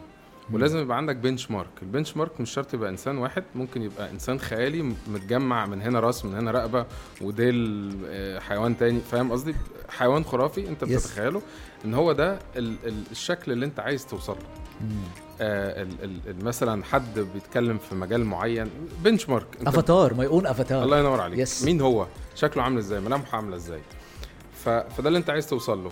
وتشوف نفسك عامل إزاي. نفس فكرة ال developer العادية. تشوف نفسك مين دلوقتي؟ وعايز توصل لإيه؟ وال gap اللي في النص. تشتغل عليه. step by step ما تستعجلش. آه، ده هيعرفك أنت ناقصك تتعلم إيه؟ ناقصك تتعرف على مين؟ ناقصك تجيب أنهي technology ناقصك تنزل على انهي channel وهكذا. هعرفك كل ال- اللي ناقصك وتبدأ حتة حتة توصل بقى اللي انت عايزه تشوف حسب ال budget بتاعتك وحسب أولوياتك. إن شاء الله توصل بقى للأفاتار اللي انت عايز توصل. له. بس دول النصيحتين اللي أنا أهديهم لك. كده. شكرا يا هيثم. شكرا. بسام صح. جميل. بص يا سيدي. مم. دلوقتي أنا هاخد كلمة كان هيثم قالها في النص في الجزء في نص الكلام بتاعنا. وكنا بننصح بيها الشركات أو حتى ال agencies وهقول لك برضو لازم تاخد بالك منها. أنت مم. بتاع إيه؟ وبتاع إيه هنا مش اللي أنت تقدر عليه بجد اللي أنا هشوفه كعميل. يعني أنا كبسام في case هحتاج جوزيف إمتى؟ وإمتى هقول لا دي مش بتاعته مش لعبته. yes. وهيثم نفس النظام لو هو in-house وعايز مباشرة يجيب حد مثلا في ال media production هيحتاج إيه؟ دي نقطة أنا شايفها بداية البوصلة. ولو مش عارفها هتبدأ بمعرفة نفسك أكتر أنا عبقري في إيه. okay. بضرب للناس مثال دايما في ال personal development هنا برضه بميسي شوية. هو ميسي لو كان اشتغل آه، مهندس ميكانيكا كان هيبقى ميسي؟ قدراته حتى الآن بتكلم على معرفتنا إحنا كبشر أكيد ما عندناش السيناريو ده بجد بس هو قدراته الحقيقية فيها توافق عضلي عصبي مثلا فظيعه. هل ده ليه أي لازمة في الهندسة الميكانيكية؟ هتلحق الصامولة وهي بتقع يعني؟ ما فيش حاجة صح؟ ما استفدناش صح؟ صح. طيب الجزء ده مش قصدي خالص إن هو talent لوحدها إحنا اتفقنا إن معاها جهد. yes بس أنت أصلا محتاج تسأل اللي حواليك وال portfolio بتاعك ورأي العملاء اللي فاتوا والكورسز اللي أنت حضرتها أو الورك شوبس اللي لقيت نفسك متفوق فيها وعبقري بنفس الجهد يعني هم ماشيين كده وكده. بس أنا حاسس إن أنا وأنا نايم أنا بجري. عنهم وهم يا عيني بينهجوا. أبدأ آخد بالي لو أنا ما عنديش البوصلة. أقول إن هي تبدا ترسم لي البوصلة. واضح إن الجزء ده عند جو مش طبيعي. يبقى أنا حرام عليا إن أنا ما ألعبش على الجزء اللي أنا عبقري فيه innately كده organically by default yes صح؟ صح. أبدأ أشتغل على دي. وأبدأ أكون منها الأفاتار اللي كان هيثم بيتكلم عليه. مين؟ جو version 8 8.0 yes version 10.0 لأن أنا قاصد أحط رقم كبير عشان ما نحبطش نفسنا نقول يلا بينا بقى بسرعة نروح للحتة لا مش هنحور على بعض. لو هي فعلا strategic view لجو هيبقى عامل إزاي؟ يبقى لازم تكون متعبة وفيها 1.1 1.2 1.3 وهكذا. وابدأ ابني منها steps بالراحة جدا. هو إيه أخبار جو في الحتة دي من ناحية ال equipment من ناحية ال software اللي شغال عليه. طب هو الكلام ده ليه علاقة أكتر ب opportunities إيه؟ وهنا بقى يجي لنقطه إن أنت تستكشف السوق. في ال innovation management لما يعملوا شركات بنقول لهم أنت لازم تعمل خريطة تحط فيها هو إيه اللي ماشي technologically في مجالك حتى لو حاجات عجيبة وخيال علمي وإيه اللي ماشي من ناحية المنافسين زي ما هيثم قال لك الدنيا ماشية فيها إزاي وإيه اللي ماشي من ناحية العميل هو بيحب إيه ويتطلع لإيه وإيه الحاجات اللي مش محلولة في مجاله. حط ده في مجالك ليه علاقة مثلا بال media production هتكتشف المثال اللي كله دلوقتي بيهري فيه كتير إيه؟ ال AI مثلا في الجزء الأولاني صح؟ طب أنا هعمل إيه بال AI هنقعد نعمل نشير عليه بوستات كتير ولا هعمل حاجة؟ أنا بقى. نبدأ. طب أنا هجرب البيتا بتاع Photoshop وأشوف. هعمل بيه إيه؟ طب أنا هجرب Midjourney طب هجرب دلوقتي أشوف ال animation يتعمل بيه إزاي؟ عيش بقى. yes ده دي ناحية. والناحية دي اعتبرها homework ثابت. عارف أقول لك العب 10 ضغط الصبح اعتبر دي كل يوم الصبح كل أسبوع. إيه الحاجة الجديدة العجيبة؟ اللي أنا هسأل نفسي هو أنا ينفع أستفيد منها ولا أعديها عشان ده شغل ترندات. ده رقم واحد. رقم اتنين حتة الاستجواب الدائم للعميل دي كل عميل معلش هريه امسك حد اشتغلت معاه بودكاست ولا اشتغلت معاه في حاجة أنت إيه اللي عجبك؟ إيه اللي ما عجبكش؟ إيه اللي أنا متميز فيه؟ بعد ما خلصنا لعبه أهو. يعني هو مش محتاج يجاملك في حاجة ولا يقول لك إنجز عشان نكمل شغل. لا إحنا. خلصنا. ممكن. تقول لي إيه؟ إيه الحاجة الفظيعة اللي أشتغل عليها؟ هتكتشف عبقريتك من الناس مش منك. فاهم قصدي؟ لأن أنت يا إما هتروح ناحية ال imposter syndrome وهتقول أنا ضايع يا إما هتروح ناحية ال narcissism وقول أنا مفيش أحسن مني في كل حاجة وأحسن اكتشاف بعد الكهرباء والكلام ده كله. في الحالتين ده مش مساعد ليك. المساعد ليك إن الناس تتفق أغلبها على إن أنت العب على دول. دي الثانية والثالثه طبعا العوامل زي ما اتفقنا حاول تشوف إيه اللي مش محلول عندهم. إيه اللي ضايع عندهم. تمام؟ والحاجة الثالثه شوف فعلا زي ما هيثم قال بقى إيه ال benchmark ماشي إزاي. وكمل من version زي ما قلنا 8 ولا 10 دي واقعد قول الحمد لله يبقى أنا كده هعمل في الإنجليزي دي وهعمل في ال AI دي. وأنا مع- عندي في مصر في مشكلة ان أنا عايز درون مثلا فأنا هشترك مع ال agencies دي اللي ماسكة الموضوع ده حصري تعمل. واشتغل فيها كذا. yes ده أنا هتعلم وهأجر لدرجة إن أنا أبقى master بال drone management لدرجة إن أنا الناس هتجيلي من بره مصر أصلا yes عشان آخد ال- ال takes الفلانية. yes ايا كان الحاجة بقى. يس فاهم قصدي؟ ده Yes. كده سريعا في الموضوع يعني. تحفة تحفة. عايز أقول إن أنا متشرف بوجودكم. حبيبي. مبسوط إن أنتوا كنتوا معايا وشاركتوني. يعني ال- البودكاستاية دي ومتاكد إنه أكيد الناس اللي بتتفرج انبسطت واستفادت وتعلموا. إن شاء الله يعني شاء. عشمان في ربنا إن ده يبقى يبقى حاصل. وعايز أشكر طبعا ال- الشخص وأخويا اللي ساعدني على إنكم تبقوا موجودين أحمد حسن كاتو طبعا. اللي يعني اللي سهل لنا ال connection الجميلة واللي عرفني بيكم in person أنا كنت طبعا عارفكم من من قبل كده ويمكن أعرف أكتر. كنت آه، بسام. بس مبسوط إن أنا عرفت عنك أكتر يا دكتور. ومبسوط إن أنا قعدت معاكم في القعدة ال- الجميلة دي. ربنا يحفظكم. آه عايز آه أفكر الناس إنه بنهاية البودكاست إنه في بودكاستات تانية جاية. آه اللينكات بتاعت الناس دي هتلاقوهم في ال description يعني خشوا كده واتفرجوا الناس دي بتعمل إيه لأن هم برضو active جدا على ال social media وبيشتغلوا جدا على ال social media بتاعتهم وبيفيدوا الناس فعلا. ممكن تلاقوا post صغيرة تفيدكم ممكن تلاقوا videos تبقى بتتكلم على نقطة ألم أنتوا بتدوروا عليها. خشوا واتفرجوا ولو أنتوا بتسمعوا على Apple Podcast أو Google Podcast أو أنغامي أو Spotify تنسوش تعملوا rating للبودكاستايه دي علشان دي هتفرق جدا إن هي توصل لعدد ناس أكبر وبناء عليه عدد ناس أكتر هيستفادوا وأنا طبعا هبقى بستفاد. آه، مبسوط إن أنتوا كملتوا معانا للآخر. أنا جوزيف بتاع الفيديوهات سلامات.